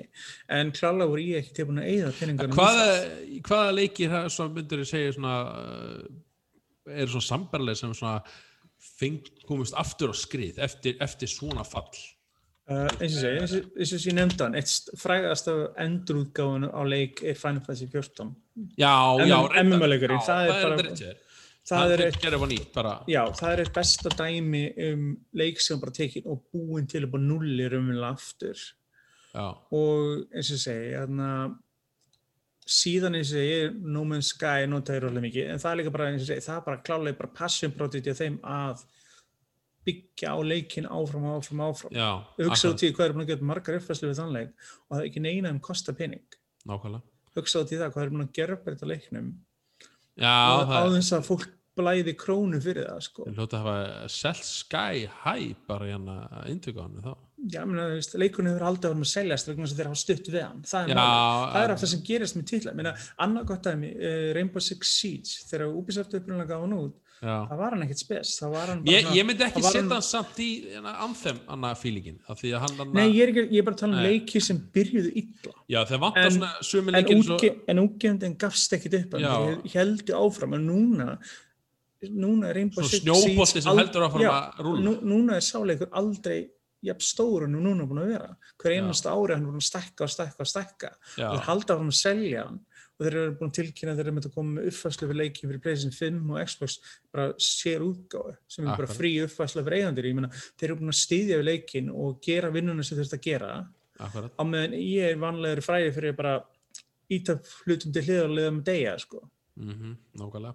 Og það var komið ekki á óvart að Anthem, já, en ég er ánægð að sjá að hvað það segja, Mistök, Avengers og Anthem eru til þess að og EA eru að breyta plönum sínu fyrir Dragon Age 4 þess að sáleikur var víst á leiðin í sama pakka eitthvað games as a service viðbjöður og allt svoleiðis í staðin fyrir stór single player uh, roleplayer kannski með co-op íva við mestalagi Nákvæmlega. Ég finnst þess að segja, ef þú ætlar að gera svona games as a service, þá þurft hann að vera svona þarf að nánast multiplayer only. Já, það nánast. að vera, minna, er sko, þú getur ekki tekið einhvern hlut og breytt hann, mann, eins og með Vengeance er, ég Vengeance í eðli sinni er ágætt leikur, en þú þú finnur að þú að spila hann, þetta var fýtt singleplayer leikur, Nákvæmlega. en síðan boltuður alls konar drastli ónaðan, gerðu þú rosalega illa og það Já. bara skein í gegn peningagrækin allan leiðina og auðvitað gekk ekki þetta, ég meina, þó- þeir eru að fara að gefa nú út í mars, uppfara útgáfu af leiknum á Playstation 5 Akkurat. og next gen. Hann verður ekki mikið skar, eina sem leikurinn örugglega græðir á þegar fara á Playstation 5 er að hann keiri betur, Mm en það verður sami leiðilegi leikurinn. Þú verður að gera miklu með þetta lagan en bara leifa fremveldinu að skána það sko. En Nákvæmlega. ef þau sjá ástæðu til þess að uppfæra niður á PlayStation 5 þú veist, það tekur einhvern, vinnutíma að Þeir gera það na- þá, að þá eh, hlýt, þú veist, að því oft er talað um að með svona microtransaction að þarf ekki nema 1 eða 2% af spilurunum til að uh, að, kaupa hlutina til að, er að svo- borgi sig sko. en það er bara svo rosalega skelfilegt að sjá hvað þetta er illa gert Mér finnst það mjög sorglegt að sjá svona hluti er þetta alveg battle sammála, pass, sko. þetta battle pass system hver einasti karakter í leiknum með sitt eigin battle pass Í, ekki bara, í, þú veist já, Ég- einasti Ég er ekki hrifin af þessu sko en þetta er, þú veist, þetta, þetta er er bara, bara- þú veist og ofan á það, þú veit, leikur sem kostar fullan ef þetta leikur hefur verið gefin upp frýr þá væri þetta allt öðru sig kannski. En málið er það að þetta er þú bjargar ekki leiknum bara með það. Þeir eru að vona auðvitað að einhverjir sem er nýja vélar hoppa á hann leik kannski verður að hei, það er ekki mikið annað að koma út eða spila en Með minnir hver- einmitt að er ekki komið núna einmitt eh, peg- PEGI merkingar á svona leiki sem að innihalda uh, svona Nei. hluti þar sem þú þarft að fara að kaupa eh, Til að njóta. lootboxes eh, eða fyrir ekki eins og ég segir surprise mechanics Já, surprise mechanics já. Svo veitleysa. Já, eins og segi, leikurinn á að koma út í fyrirutgörnun í mass og ég held að hann muni föðra upp á hann að málurinn er búinn, sko. Nema að það þeir actually fara að gera eitthvað meira en ekkert sem ég hef séð gefið til kynna þeir séu að fara að gera róttökabreitingar leiknum til þess að laga vandamálið. En ef við svona dettum aftur í Anthem en að, eh, hvað segir ég, ég er náttúrulega datt ekki í hann sjálfur Yes. uh, er, er eitthvað sem hryggi við þetta, hefðu þú viljað sjá eitthvað meira spark í gang? Já, sko, það var, það var, sko, það var hugmynd af góðum leikarna. Það var Já. hugmynd af góðum heimi. Það var bara, var bara ekkert unnund, full unnund. Það var klárt mál að EA, það var rosalega mikið vandra baka tjöldin til þess Já, að leika ég- búin til Akkurat. og það síndi sig í loka framleiðslunni Mhm. og vandamálið þegar það var ekki hægt eina leiðin til lagaleikin hefði verið að gera svona 2.0 dæmið sem við vorum að tala um Já, og það hefði klálega getið, ég svektur að ég var ekki tilbúin að gefa þessi sjans þeir hefði getið byggt upp spennandi leik og Anthem 2 tíms hefði getið ennþá skemmtilega fyrirbæri ef þeir hefði byggt síðan ónað þessari vinnu Akkurat. en núna með því að gera þetta þá er þeir búin að drepa bara IP-inu eitt og sér sko já, já segjast- það er spurning hversu langt þú komist í, í, í, undirbúan, það voru alltaf eitthvað tíma ánum. það það var ár vinnan Já. var ár Já, en það ok, er búið rosalega vandamál baka tjöldin bara almennt hjá IE það Já. er búið mikla hrókeringar á starfsfólki hjá IE og, Akkurat. og BioWare á verkefnum. Og þannig að fyr, verkefnin sem var sviðið fyrir þetta hafi með verið Dragon Age, Mass Effect og Anthem og ég meina Mass Effect Andromeda hluti vandans þess leiks er einmitt má rekja til vandamála baku tjöldin.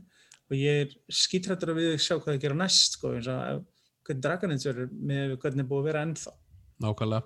Þetta setur svolítið hérna, eins og segi, hérna BioWare, þetta er hérna einn ein, ein, ein, annar fyll svona frá þeim meðal annars. Já, ég meina BioWare í dag er ekkert sama fyrirtæki Alls ekki. Það er búið að En er svo bara- mikið af fólkinu sem bjóðu þessu leikið til upprunlega Akkurat þannig að það er spurning að næsta verkefni er náttúrulega Dragon Age 4 og gaman að þeir fara í hana gýr til Já, að sko, mér fannst Dragon Age sko, Dragon Age 1 er rosalega góður Já, tvö var svona, he, þú fannst alveg rosalega fyrir, þetta var svona Mass Effect 3 feelingunum, þeir strimlinlega rosalega mikið og dömmuða niður of mikið. Dragon Age eh, 3 eða Inquisition er alltaf solid leikur já, já, eftir að spila. og mjög góður leikur en þú veist, þeir hafa potensiál að halda áfram að gera góðan hlut Mhm. en bara hvað EA gerir, EA er bara þeir eru bara frægir fyrir EA og Activision eru frægir fyrir að kaupa fyrirtæki og bara reka þenni í jörðina Nákvæmlega. og Já. þannig fór þessi sjóferð. Eða svona, já, ég, ég, ég, ég hérna, þetta kom hann ekkert á óvart með að koma bara að heyra fréttur undan fara með þetta en, en, Nei, ég voru orður um að lengi með vandamál baka tjöldins og þú veist, ég, en þetta er samt sérstætt, með fjárfestingarna sem ég hlýtur að hafa lagt í þetta, að Mm. þeir skuli bara slútt þessu núna á þess að reyna að berga þessu, og eins og ég ofur, ég minna peningur sem þú veist að leggja myndir ekki segja að þeir hafa verið að reyna að berga þessu núna í ár Nei, eins og þeir voru ekki tilbúin að leggja vinnun í þetta, þetta, er bara undirbúning, þetta er bara búin já, að- ég er að segja, þeir voru, að- voru ekki að rannsaka svolítið hvort þeir ættu að fara í þetta eða eitthvað? Já, en ég minna, þetta, þetta var tek, máli var það, að þetta eins og annað var gert í nefnd og, og boardroom í IE, þetta var ekki gert þar annars þar. Það sama eins og í leikurinn sem IE Motive í Kanada var að gera, þeir voru búin að sex ára að vinna þessu leik og þeir drápa hann. já, hver, að hver var það veist- segir EA Motive, þetta var stúdíu sem uh, Jade Raymond stopnaði upprænlega þegar hún kom til EA. Þeir voru að vinna stórum leik sem átti að vera svolítið forðanlegur og það kom fréttir um hann einmitt í vikunni að hann var líka jarðaður. akkurat. Og þú veist þess að ég segi, ég er ennþá í sérstakri stöðu fyrst mér hvar það eru leiki, minna, það tala það að koma ný Battlefield leikur út líklegast þess ári það held ég sé hana er Já, svona, ég minna það er svona eins og Death and Taxes en það er bara spurningi hvernig verður og hvað, í hvað gæða já, Bara það er, ofta eins og, eins og ég setji leikina svolítið upp í hérna, Excel-skjál. Það er kannski ekki mikið passion á bakvið þetta eða mikið svona... Nei, nei, sko þeir Já, þetta eru skilabúin sem vilja koma á framfæri, heldur bara Sko, Excel, hver er summan? vandamáli verið svo mikið verið ég er, þetta eru fólki í toppnum verðist það ekki að mikla tengingu við hvað er gerst nei, í stúdíunum þeirra eða leikjum í höfuð og taka alls konar bónætt ákvarðanir sem eru sér nokkur ára að koma fram og skila sér. En ég hefur annarslega tekið svona gott stökk þegar þetta þegar ég gerði big línuna fyrir í uh, Pleasant 2 komið leiki eins og SSX og fleira og komið skemmtir inn í titla. Það gerði þetta hvað var ekki, 2007 þegar Mirror's Edge og fleiri titlar komu út. Þeir, þeir hafa gert annars lagi, tekið svona stökk og gert spennandi hluti en síðan inn á milli bakkaður og bara gera sama svolítið aftur aftur, bara Madden, FIFA, bara aftur, aftur, aftur og, reyna bara, og Need for Speed. Ég meina hvað margir miðlungs Need for Speed leikir er komið til röð. Og núna Mhm. voru þeirra 1,2 biljón dollarum að kaupa breska fyrirtæki Codemaster sem eru eitthvað þekktastir fyrir rallyleikinu sína já, og ég skal að þetta fólk verið fengið til að upp og blessu uh, Need for Speed seríuna enn einu sinni. ef við getum ekki gert góða bílleiki þá fær enginn að gera það Já, það er pínu þannig. fyrirtæki Já, ég meina hvað verður langt hóndið að meirilitan af fólkinu sem vann hér hæ- stóru liðið hættir og fyrir eitthvað annað. já, nákvæmlega ég er bara að fá góða sömur og bara les þessu. Já, um, en hvað segir okkur um Pokémon, Daniel? Herðu, já, Það- og gleðilegra. það er náttúrulega bara Pokémon kynning bara núna komið svolítið óvart svona 27. februar eða bara fyrir tveim dögum þá hérna kom hérna Pokémon Presents eins og ég kalla það Herðu, eh, þegar fóruð bara yfir það sem helsta sem er á næstu dagskrá uh, af hverju eins og segja fólk fyrir að segja að það er ekki Nintendo kynninguna það er Pokémon orðið, og sér dæmi þannig að Pokémon er það orðið svo stórt að þeir eru bara með sitt eigi svona direkt yfir allt árið hvort sem leikir eða kortaspil eða, eða kvipmyndir eða þættir annað þá haldur, heldur Pokémon Company utanum sitt efni. Og þeir uh, kynntu hérna uh, heitir hérna Brilliant Diamond and Shining Pearl sem eru endurgerðir af hana Diamond and Pearl leikjunum sem hana ég hef ekki spilað. Uh, ég er ekki mikill Pokémon maður ef ég segi ykkur það fyrir utan alltaf Pokémon Go ég, ég, ég get spilað þessa leiki alltaf svona eitt þriðja í, inn í sérjuna eða e, e, þann leik svo bara fæ ég leiða því að þetta leikurinn er bara alveg eins uh, alla leikir hafið þið spilað einhverja Pokémon leiki eitthvað nýlega? Nei, bara eins og þú segir, bara Pokémon Go. Ég hef hérna, fyrir utan það, þá er það meira svona hafa, einmitt, kíkt og aðra að spila Pokémon leiki en ég hef aldrei Já. einhvern veginn ennst í gegnum, gegnum heilan svona leik, sko. Ég, ég skal vera svo frægur, ég hef aldrei spilað Pokémon ekki. Ég bara, það hefðar ekki til minn einu. Hæ? Nei, Það er, það er svolítið mikið auðlýst á, eða var hérna í kringum jólin, hérna væntalegu Pokémon-leikur úr Nintendo Switch, þannig að það sem ást hvað að- að ráfa um svæði og taka myndir af Já, Pokémon. hann var einmitt Ok. þannig að er að koma út ég, ég Já, Snap leikurinn hann, Já. já, Pokémon Snap. Pokémon Snap eins og hann heitir Var, Eh, já, fjallaði um hann, segir Já, hann er að koma út núna bara bara mjög bráðis Hann er bara já. 30. apríl. 20. Já. Nei, e, jú, jú, rétt er. Jú. Apríl, já. En, uh, þú ert sem sagt í svona einhver lestarbás eða hvað hann segja svona, svona kart, þú veist, og þú ert að og fer í gennum svona safari í einhver skói eitthvað með Pokémonum og, og átt að taka mynd af þegar, þegar Pokémonin eru sem sagt þannig að skrifslinn eru sofandi eða, eða hlaupandi eða leika sér En það er ekkert að meira bak við leikinu eða?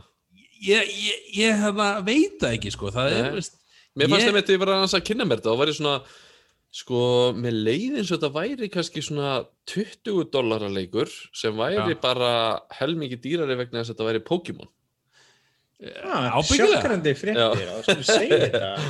ábyggilega, ne, nema ég veit ekki alveg þessi, ég ætla ekki, gagn- veit ekki hvernig hana vinnan er lögð í þetta náttúrulega, þetta er alltaf gríðlega animations og allt svona og uh, ég var að skoða hérna, hérna remake kosta 60 dólar hérna, en allavega hvor leikur, þannig að það er 120 bara verið góða.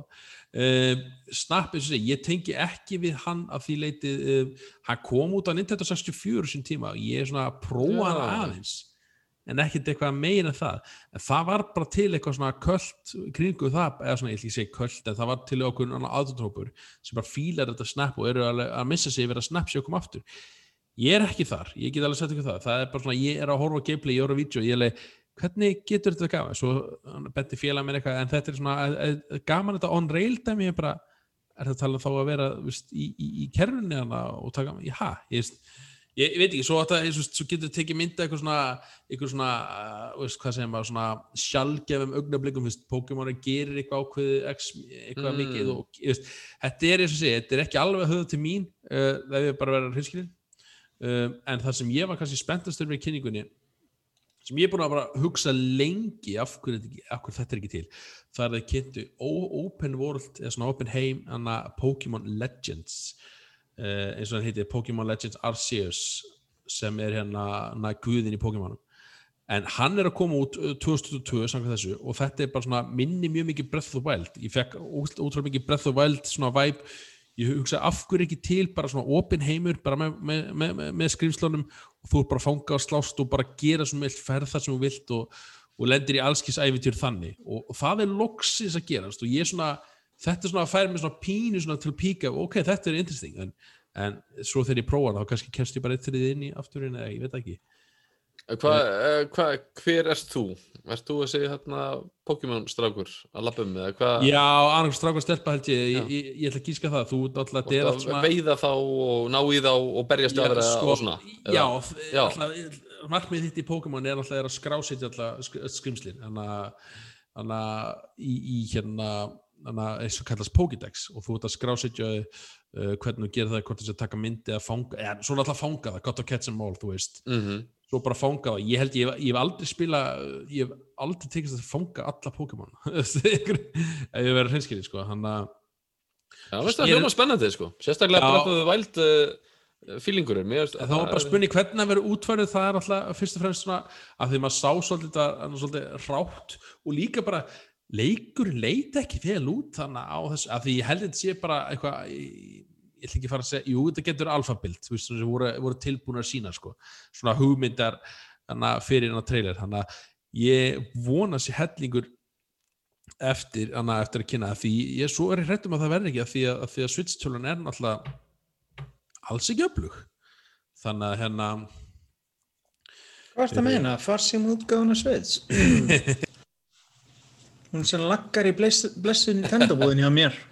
hver, hvaða leikur var það?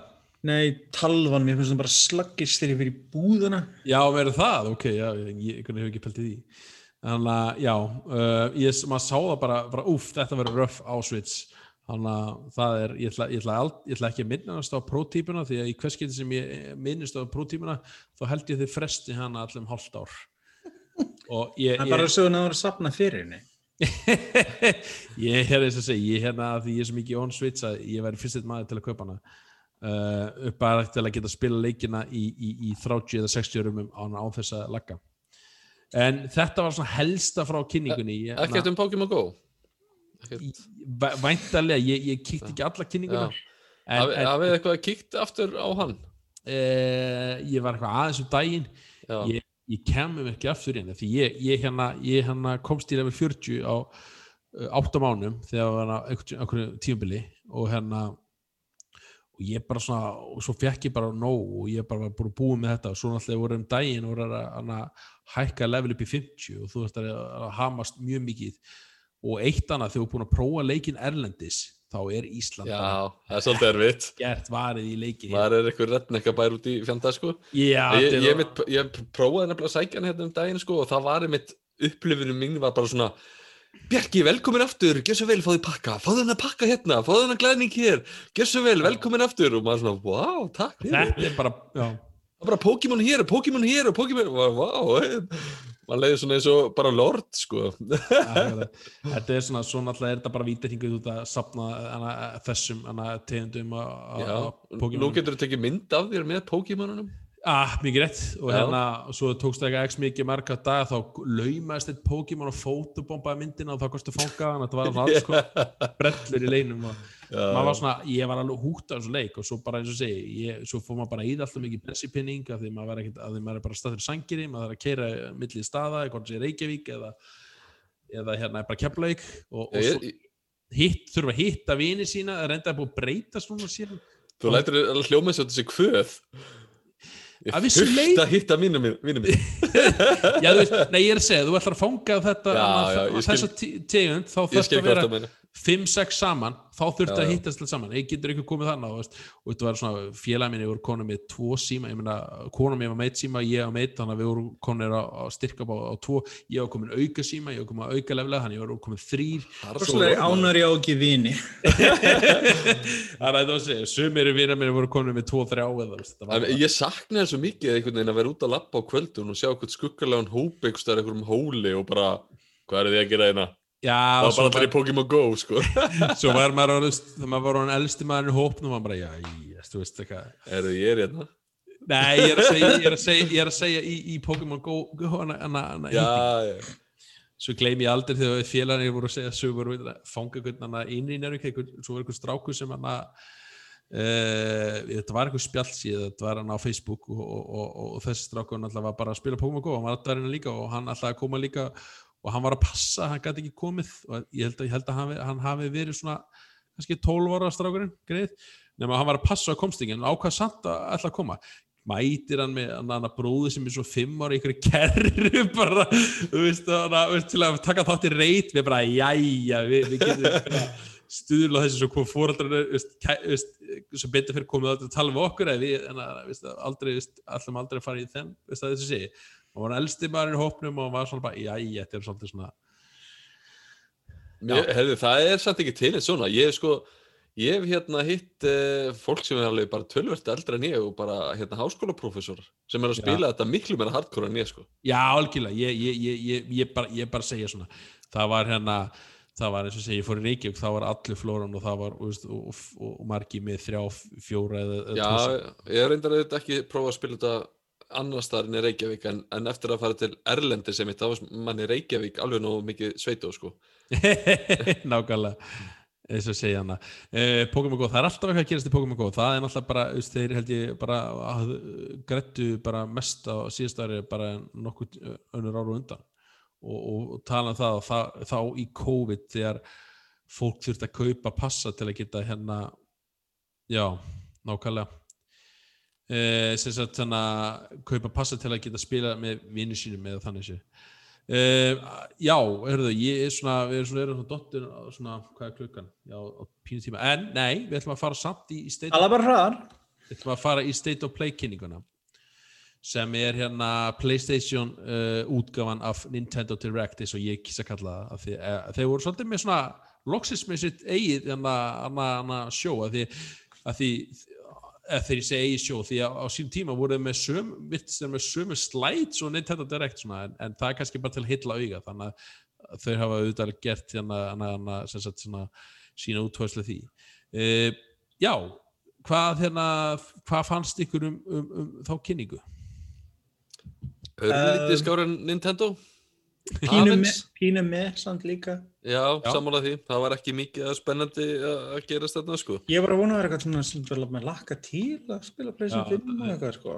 Það byrjuðu kynninguna á að Crash Mode á PlayStation 5 eða veist Hey, það var klálega það sem ég mjög vant að vita. nákvæmlega uh, leikur sem ég býð spettur við sem er að koma næsta pleysun held ég í apríl, það er Returnal Já, ég er spennt fyrir hún líka. hann, hann var lúka, ég loksins svona sá út hvað hann var að- út og hvað það gekk og ég bara Housemark sem gerir þarna uh, Resogun og fleiri leiki, þeir eru að gera hún. þeir eru að gera hann okay. Lúkar eins og third person bullet hell veginn. Já, þetta er svona eins og segið, þetta er svona roguelike, það er svo deyfið reglulega lærir eitthvað á því og fær einhverja nýja abilities til að halda áfram með. Ég hef, hef ekki taugat hann í svona sko. Ég get, ég get í svona leiki. Já. Ég ég, sé, hann lítur rosalega vel út, þetta getur verið spennandi titill, um, eitthvað svona gott augna konfekt til þess að spila á PlayStation 5, loksins. nákvæmlega. Uh, kynntu leik sem heitir Shifu eitthvað svona kung fu uh, melee leik sem ég hérna var ekki alveg að, að, að, að meðtaka. Veistist vera frekar lítill og svona ekkert allt og merkilegur. nei, þetta er svona en- einhver indie titill eitthvað uh, sem kynntur Solar, nefnir Solar Ash. Mm frá þarna sem gerir Hyperlight Light Drifter nákvæmlega. Annar indie leikur og Five Nights at Freddy's eitthvað oh god. Security Breach. Ég hef Hafið þið spilað eitthvað á þessu leikjum með það? uh, Þetta ég er- hort á alla. Mér finnst þetta svo spennandi að það já, sagan í sagan í hérna saga, Nights at really, Freddy. saga. já, hún er, hún er geðveikt djúft, hún er bara, þú veist, er alltaf til alls konar bækur um þetta, en að spila þessa leiki, bara, veist, þú veist það er ekki sögur þar þannig þessi, en það er svona koma svona inn á milli og, og það tengist þetta leikinir og þannig að ég er án jokes, ég er mjög djúft inn í lórið á hana, hana Five Nights Five Nights at Freddy's leikin, þannig að ég, ég kem ekki til með að spila hennar leik, held ég mér fannst að þeir lúka alltaf svona í svona bíleikir eitthvað en sagan er bara, ég er bara er alltaf mindblowin að vera þetta, það er bara ég, ég, ég, ég geti tekið heilan þátt um það hérna og bara Úr- tala. Það er, er rosa margir einmitt sem að svona, kannski ekkert endalega spila en fylgjast með einmitt að því maður sér bara hvað þetta er búið að fá að lifa lengi. Þú veist, Já. þú getur keift svona Five Nights at Freddy's bánsa bara ennþá bara í dag út í búð mörgum, mörgum, mörgum árum eftir að fyrsta leikurinn kom út. Sko. Eh, mitt, mér finnst svo fyndi svo að þú veist, ef maður sé eitthvað krú, hana, hana, eitthvað lítið barn með svo Five Nights at Freddy's Mamman veit ekki. veistu hana, hana, þetta hana, hana, þessi vélbúna var til veistu af hverju hann er að henda þig veist, en maður fer ekki til þá þú skrifa bókina í íslensku sem útskýrir þetta allt fyrir næstu Já, já, ég, hérna, ég kannski Nei. Uh, en sé, með, frekar með að lítur út, en, en ég er Já. spenntur fyrir sögunni. Uh, annar með að mínum að þetta útlýslega sé, það er Oddworld. Ég bara, ég, ég næs ekki. Með útlýslega, what? Ég finnst það bara, já, ok. Ég er líka þar. Ég hef aldrei náð tengjast hún einhvern veginn, en, en, ég en þegar man það kemur eftir- frítt. Á PlayStation 5 bara, takk til því Já, ég er minna. Nei, nei, nei, nei, fyrir, Ah, það er já. samt, já, það er talsveit færri sem eru að fá frýtt eintak versus Já, kannski þess vegna sem þið eru að því, er er hérna, En það búin lengi vinslusleikur og það er jákvæmt að sjá hann og loksins að fara að koma út. mhm. Uh, annar leikur, Kena, Ú, það er- fe- fekk svolítið Zelda-væp frá honum. já, ég- kú- það er- kúl undirleikur, hann er komið til ágúst. Ég er spenntur fyrir honum, sko. Ég er mjög spennt fyrir húnum. Ég, ég er búin að vera það lengi og ég bara, mér finnst hann lúka, mér finnst hann bara Mm. flottur og við fengum að sjá gameplay trailer og Já, og er að koma á PlayStation 4 og 5 20. Já. ágúst uh, á meðan 8 er að koma 7. apríl. Já, mér finnst þetta einn af svona flottari leikjónum sem voru síndir þarna á Já, þessari kynningu. mér fannst þetta Knockout City hérna dodgeball-leikurinn s- bara eins og svefnmeðal sko. Já. Ég er bara að spila hann, ég spila hann á, á, á, á betun um daginn og PC. God, mér fannst þetta svo leiðilegt að horfa á þetta ég Hann bara er alveg, hann er lúskemtilegur en, en ég er búin að eða einni kvöldstundi á hann og það finnst mér svona að vera svona nóg einhvern veginn, þú veist það svona, ég get ekki séð fyrir mig vinni mín að koma saman, hei, fyrir maður að spila Knockout City, þú veist eitthvað, nema hann er í kannski í free to play einhvern tíman sem hann að ef þetta er PlayStation Plus leikur þá kannski eru þessi er en ef þetta er eitthvað já, Já, en, en, en svo skemmtileg koncept, þetta er svona nýtt, þetta er ekki, það er ekki annar leikur alveg eins og þessi. Og þetta svona, eins og segið, bara svona annar að brenna og þetta skjóta anstæðingin úr og Mér, fann- mér fannst dodgeball ekki skemmtilegt í grunnskóla og ég finnst það ekki skemmtilegt Voru allir að henda boltanum í þig? já, að er. Síðastu valurinn liðið Nei, takk, sko, ef einhver sagt um, heyrðu, þú spila leik, ef fólk sem er að st- að stríða þér, þú veist, krakki, bara nei takk, ég þarf ekki að upplifa þetta aftur. En já, uh, Final Fantasy 7 endurgerðin er að koma á PlayStation 5 Já, og, og endur... með, æðis, með æðislu nafni Final Fantasy 7 Remake Integrate Integrate, Því, Mér finnst nöfnin, hérna að það verið að bera saman PlayStation 4 við PlayStation 5 útgáfana, mér finnst PlayStation 5 útgáfan uh, lofa mjög góðu sko. Já, Já. ég meina, það er gaman að sjá, sko, ég meina, hann er með texture, ég veist, auglýsingin er frábælega fyndir það, hann er með textures, hann er með, þú veist, eitthvað graphics, maður bara, hver var En að þetta frá japansku yfir ennsku? Og það er ekki rétt að þeir sem eiga PlayStation 4 útguna fá PlayStation 5 útguna frí. Jú, ég skildi þetta þannig. Já. Það sem sagt, þetta er frítt, en, jú, Svo er að koma út í eh, marsmáni. En, eitt sem þarf að taka fram líka, sko, jú, ef þú átt pleysin fjögur bara pleysin útgang fríkt, en þú var ekki nýju viðbútina, uh, nýja sögukablan með, þú þarf að kaupa hann. Já, já, það er svo skilinlegt sko. Já, en það er alltaf, það er samt slepparlega, ef hann er ekki svo dýr þá er þetta alveg. Fjör- 40 samt- dólar, tjók. Það er samt ekki verið þannig að ég sé eitthvað að fara að spila leikin aftur sko. Nei, ég er ekki að klára hann og ef þú getur Já. transfer saveið yfir eins og þú tala um, þá finnst mér þú fínt að geta haldið áfram kannski, hvað Já. það er unlocka trófíinu sem þú er búin að vinna þér inn. Já, mér langar einmitt að... Að, að það. einmitt mér langar eitthvað annan að ná nokkru trófis eða svona fullklára að- og ég svona kemur ekki aftur í að spila hann á PlayStation 4 sérstaklega því En ég með pakka hvað saman. hann er stór, þá lakkar mér rosalega mikið til að eyða ný- 100 gig á plássið og PlayStation 5 vilinu undir hann eða þannig. Það er alltaf leið maður. Já, ég það er svo mikið að plássið mitt að... Nei, í smá tíma, ég, ég hérna, að ég, með. ég á alltaf mikið ploss á ég að segja Hvernig ferðu að því? Að því það er ekki leikir að koma út maður. það. Já, nákvæmlega. það er ekki til henni leikir á tölvuna. Það er undar rétt. Það er, já, hverju, það er kannski það sem er það. En, en, að- en að tala um það, að- en að svitbentin á þann að það er að koma út í Logsins er að fara að koma, Sony voru að segja uh, í fréttum, þó því staðfist ekki nákvæm tímasetningu, í sumar ætti að koma út uppfærsla, hugbúna uppfærsla í vélina sem leifir þér að bæta við hörðusk í vélina, sem sagt, Já. Það var örgulega fæstir sem eiga pleysin 5 miljonar opnaðar, Já. en þú opnar uh, eitt, eina kána, ein hliðina, hvítkana, plastlífina, þá er pláss fyrir uh, sem sagt SSD-disk eða NVMe svona og svona lillu spjaldi getur við sagt Já, pláss fyrir þann disk. Í dag þú setur diskin í það virkar ekki neitt, það bara segir pleysindar bara nei takk og vill ekki gera neitt. En þetta mun leifa er að nota disk en þá líklega verða búin að gefa út hvaða diskar virka best með vegna það skipt, það er ekki hvaða disku sem er, þú getur ekki tekið hvaða disk sem er er út af þessum stungið hraða inn. þetta ekki. Já, það, það, það er að PC Express 4 og þeir eru ekki ódýrir og verða ekki mikið ódýrir ég þá, þá. þannig að það verður ekki gefins held ég það má alveg búast þegar verður huglega jafn dýrt að kaupa disk í þetta og Já. Xbox dæmið er þó að það sé bara kubbur í staðin fyrir diskur en það er bara kubb, diskur í Skil, mér skildist þessi uppfærslega mitt uh, liti líka hérna væri að láta tölvuna sem sagt að leifa henni að kera viftuna hraðar upp á hræðslu við ofitnum sko. en það verður hún að gera vegna þess Já. að skoða hvað diskunum liggur og hvað, ef, ef þið hafið átt svona diska þeir hittna rosalega mikið, þeir eru greið ég meina nýju, sérstaklega PC Express 4 ef þú kaupir svona disk í dag það fylgir bókstala hitspreadur með hann bókstala áld, áldó til að líma á hann þeir hittna það mikið. Þeir varpa alveg gríðarlegum hita. Þannig að þú getur ímyndaðir hvað myndi auka hitastíð og velin eða myndi ekki þeirra að breyta viftinu. Þú eh, fá en það má að búast- sjá eitthvað eitthvað RR og D hérna? Það menn- það líklega eitthvað háan í velin, það var aðtekst að Já. sjá vegna þess að það verður geti reynst þeim svolítið strempið. Ætlaði að kaupa eitthvað disk? Ég held að ég láti þetta duga bara. Ég finnst það bara sko, sé ekki. vandamálið ennþá setna, ég- kannski eftir eitt ára eða tvö ára Ég sé vandamáli strax, það æpir á meðan, hvort það sé á Xboxin eða Playstation. já, En best af þetta væri að þú getur notið auðvitað disk sem notar PC Express 4 en væri ekki með getur fært á milli bara. eða hefur einhverja valkosti meira þess að þarna getur þú bara að nota ákveðina tegund disku.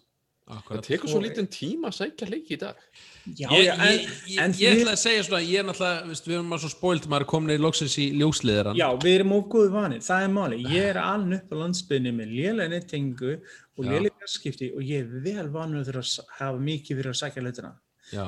Þannig að sko ég veit hvernig það getur verið En núna er það ekki vandamál.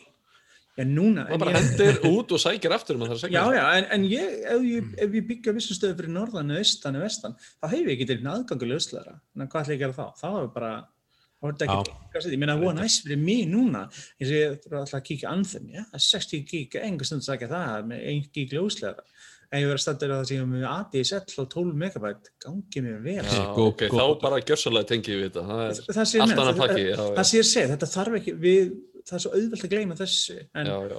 þetta, þetta er bara máli, ef maður hefur pröfað þetta ég Við pröfaði getum ekki tala, tala um bandaríkjan þar sem allir er að fara data cap aftur sko, Já, ég meina, og, og stórluti bandaríkjanum er ekki með almjölu netra, það er bara ákveðin svæði í bandaríkjanum. En við erum að tala um það, terabyte diskur, líklega með nógu góðum hraða til þess að notast í PlayStation, myndi kosta þengst þar um til 30-50 skall. Það sé ég að segja, það, þetta er það sem ég er að segja við. Þetta er nefnilega, það er máli. Það er máli, til þess að fá Þetta er- disk sem er nógu hraður, ertu nákvæmlega. að fara að droppa 30-40 skall í þetta. Og Þetta það er er bara, máli, já. verðin þurfa að koma niður til þetta raunhæft. Einmitt, það er máli og þetta er sko þessi hraði eitt og sér hann er alveg, sko það er alveg diskar sem eru meira að segja held ég dýri sem eru eh, 50-60, bara þessi stærð þannig að hvað er þetta að tala um, ef þú ætlar að fara ykkur ótileg, 500 gig ég menna, jú það hjálpa til en það er glúgt að fara þegar bara, hvað ætlar að með eitt disk bara fyrir Modern Warfare, Warzone dæmið. Það skelvilega install sem stækkar og stækkar og stækkar. Nákvæmlega. Að- en þetta er eins og segja ég mér fannst bæði fyrirtækin Sony Microsoft er mistök að gefa vélunar ekki út. Ég veit að þetta var kostnaður en þetta er allt á litli diskar Já, þetta er eins og segið, það er einhver, einhver fórnarkostnaður, þá er það akkurat þennan stærðarplássi sem maður kannski fekk að finna fyrir því Já, en við ættum að sjá þetta í vor, eða þegar nærtrið sömari þá munum við líklega að skynna þetta nánar og sama Já. tíma líklega útlist einhverjum diskum. Þá getum við fara að sjá hvað raunhæf verulega Sko, við sem, minnskosti sem búum við góðu nettingar getum alltaf að hugsa okkur, ei, spara mig bara að kaupa diskin ég bara segja þetta frekar aftur. Það er ekkert mál. En aðrir svona þurfa að finna einhvern jafnbæja milli kostnað og þæginda. Vill ég vera tíu tíma að segja þetta versus, já, setja þetta mm Mhm. disk sem kostaði mig einhvern x mikið pening. Nákvæmlega. En já, uh, annað, svo hoppum við úr einu í annað, sem tengir samt PlayStation líka og Xbox reyndar. Uh, nú fyrir helgina var að koma út open beta demo af leik sem heitir Outriders á PC, PlayStation 5, 4, Xbox, bara flest allt nema Switch. Já, Og er sem sagt þriðpersonu hasaskotleikur frá Square Enix og pólska fyrirtækinu People Can Fly sem þeir eru þetta þekktast fyrir að hafa gert eh, Painkiller leikinn og Bulletstorm. Það eru leik sem þeir gerir. Þetta er svona þriðpersonu, þetta minnir mjög mikið á leiki eins og Destiny og hlöðis en þeir eru samt búin að segja að þetta sé ekki uh, Games as a Service leikur og það sé ekki microtransactions sem er svolítið borðanlegt. Mhm. Uh, fyrst þegar ég, ég myndi kíkta á hann, ég verðum vonandi með vídeoleikni með næstu viku á Nördnóðarsins sem ég er búin að taka upp. Uh, þetta er sem þriðja, spila 1-3 saman eða 1 í einn kó og þetta er svona, já, klassisk hasaleikur þar sem þú ert með byssur og síðan einhverja svona abilities, krafta, svona magic, þannig að séð. Og ég veit ekki, fornir, ég var búin að mjög skeptískur um henni leik, ég sko ekki um það, ég var mjög hrættir um þetta leik sem myndi koma út og sem bara þöðru en það hjálpar örugglega líka til að hann er að koma út í 1. april og það er ekki mikið útgáð búin að vera og það er ekki mikið útgáð framöndan þannig að hann græðir örgulega því Má gefa leiki út 1. apríl? Það væri bara Herðu, sko. herðu, má byrja í sambandi 1. april, spyr eitt sem er búin í sambandi í mörg ári sem byrjaði 1. april, svo já. Það, má ég, sem ég, sagt. ég, ég er ennþá að býta þeim, ég er ennþá að býta þeim brandar og hver einsta ári bý, býði eftir að konan segja mér, ég á bara grínast með, ég drullar út. Þannig að, veist, eitt, eitt góða við þetta, eða slæma. E, já, en eins og þetta er einsting sko er að þetta verður leikur sem er bara mjög sýpar margir aðrir sem mun leifa uppfara fríkti og pleysin fjögur í fimm og hlutis en það er þægilegt. Og hann stýður sem sagt crossplay þannig að leikmenn þú getur spila saman út af í co-op eða út af pleysin fjögur í fimm Xbox og PC þeir verðist alltaf að láta það vera saman. Það ætti að hjálpa rosalega mikið til held ég upp og geta spila saman að fundi fólk til að spila með. Mhm.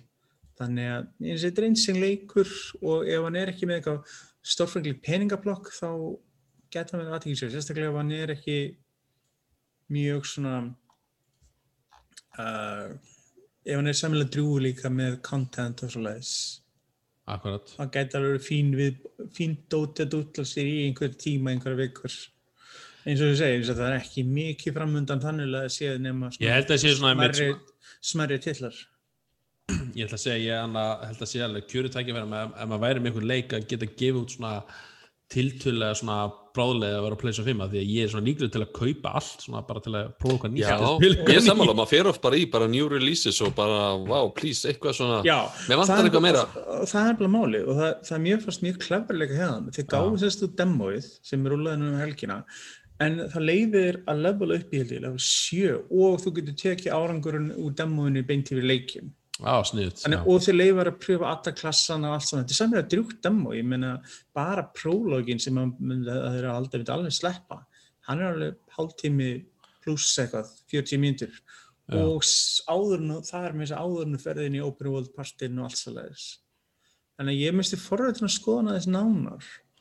Og ég Mhm. misti, þetta er svona gott dæmi leik sem maður er ekkert rosalega vissum, en síðan pröfum maður demo og eitthvað svo síðan, "Ah, ok, kannski gæti við eitthvað verið að þarna nákvæmlega. Það er koma í ljós hver, hvernig kemur út en ég miskvæmsti meira nær núna en ég var eftir að spila hann. Og ég meina það er þess að gott demo getur gert, það getur annarkvort síntir spennandi leik eða síntir leik sem þú bara algjörlega ætlar að hoppa fram hjá sko. algjörlega, það er er gott að með það er bara system shock og ég, ég get ekki beðið eftir að hann kom út. Já, kannski svona því ég líka veist, eh, já, er svona miklu meiri eh, nær því, það er náttúrulega velkomin í hó- st- staðinn sem ég er búin að vera sem 2016 Nákvæmlega. Heyrði, þetta var hérna bara ákveðið státtur hjá okkur uh, leikverfinu. Núna held ég við fann að fórum við Nintendo, System Shock, PlayStation VR, Blizzard og bara, já, EA, Pokémon og State of Play og Outriders. Um, það er alltaf einhvað á döfunni uh, bæði hérna við hérna Bjarki ætlum mögulega að taka upp hérna svona sérstakann Ring Fit þátt. Já, þið heilsugarparnir, þið verður að, þú veist, já. Já, það verður gaman að sjá hérna. Ég held að ég er búin því miður búin að vera með hvernpersonum í viku en ég held að það sé bara að ná mér. Ég, hérna, Já, ég held að þetta hafi samt jafnast út því að það þurft að installera eldúsi hérna líka hjá mér sem tók viku þannig að ég held að við séum alveg svona, sama afsakanir, afsakanir ég að mig, ég geta fylgst með ykkur til hliðar og gaggrindi ykkur á þess að, þú veist, hafa neitt undir þessu sjálfur, sko. Vi, við sendum þér svona græð og þú neyðist til að spila með. Já, ég er bara að býða eftir henni, konan er alltaf langa að pröfa þetta, þannig að ég, ég býð bara eftir því að senda þetta. Daniel veit hvað ég heima. mm Eru ekki bara flottir? Eh, svona eitthvað annað sem er svona þetta helst í? Þetta, já, í Já, 23. þættinum okkar. Já, kannski ef það er einhverjir hérna eh, bjórnördar sem er að hlusta á okkur, þá er nú allt í lagi hérna, ég er nefnilega svolítið virkur á Untapped, eru þið á því strákar? Ég veit ekki henni hvað það tala um. svo- Untapped er basically svona social app fyrir uh, bjórdrykkju Hvað er þetta, er tindir fyrir björnvölda? ekki alveg tinder, maður er ekki nú að deyta veit- konaðin að aðalli aðalsmaðurinn er að stinga undan Já, my lady veit allt um það. að- að veit allt um það. það verður eitthvað, eitthvað hefðamór fram í hlutla held ég í borginni sko ég spurning að það verður hana Mér vantar allavega fleiri, fleiri hérna bjórfélagi þannig að endilega bara leita Sendum við það, ég veit ekki, ég veit ekki uh, untapped, segir það? Untapped, já, ég hendi á þér hérna friend request uh, og, og link. Þetta er hérna Er þetta ekki Pokémon þetta Go eða hvað er þetta? Þetta er safna þetta er, þetta er basically þú loggar inn bjóriðin gefur honum engun og byrjunum 0 til 5 töppum þú veist, stjörnur og loggar hann inn og getur valið hvað þú drakst hann og svona og sagt eitthvað um hann, tekið mynd og svona og svo Er þetta íslenskt app eða? nei, nei, þetta er ekki íslensk sko. Já, ok, það segja. og en, svo ertu með, þú veist uh, svo getur þú leita á korti þú veist, af uh, stöðum sem er að selja ákveðna bjóra svona, þú veist, microbreweries og svona og það er alveg, frá því ég byrjaði að nota þetta er þetta alveg miklu meira íslenska vætna en var sko. það er byrjað að koma íslenski staðir inn á og íslenski bjórar og þetta er alveg mjög stórt sko Ég er jafnvel inn í bjórnum eins og ég er inn í Pokémon og, veist, og Super Smash sko. Þannig að ég, ég, Ég er basically, stað, sko. já, ég er bara basically að byggja fólk um að henda mér inn og ég hérna, Já, að fylgjast með hlustendum líka inn á þessu En- Endilega verið vinnir að spjarka aðallin þarf alltaf nýja vinni satt, satt, satt. Ó, ó, ó, Ég neita þér að því ég neita þér að því þú getur bara þér að því sjálfur félagi. Herðu, ég segi þá bara takk fyrir mig og við bara blessin í bili. Ég gerir það, bless bless. Þess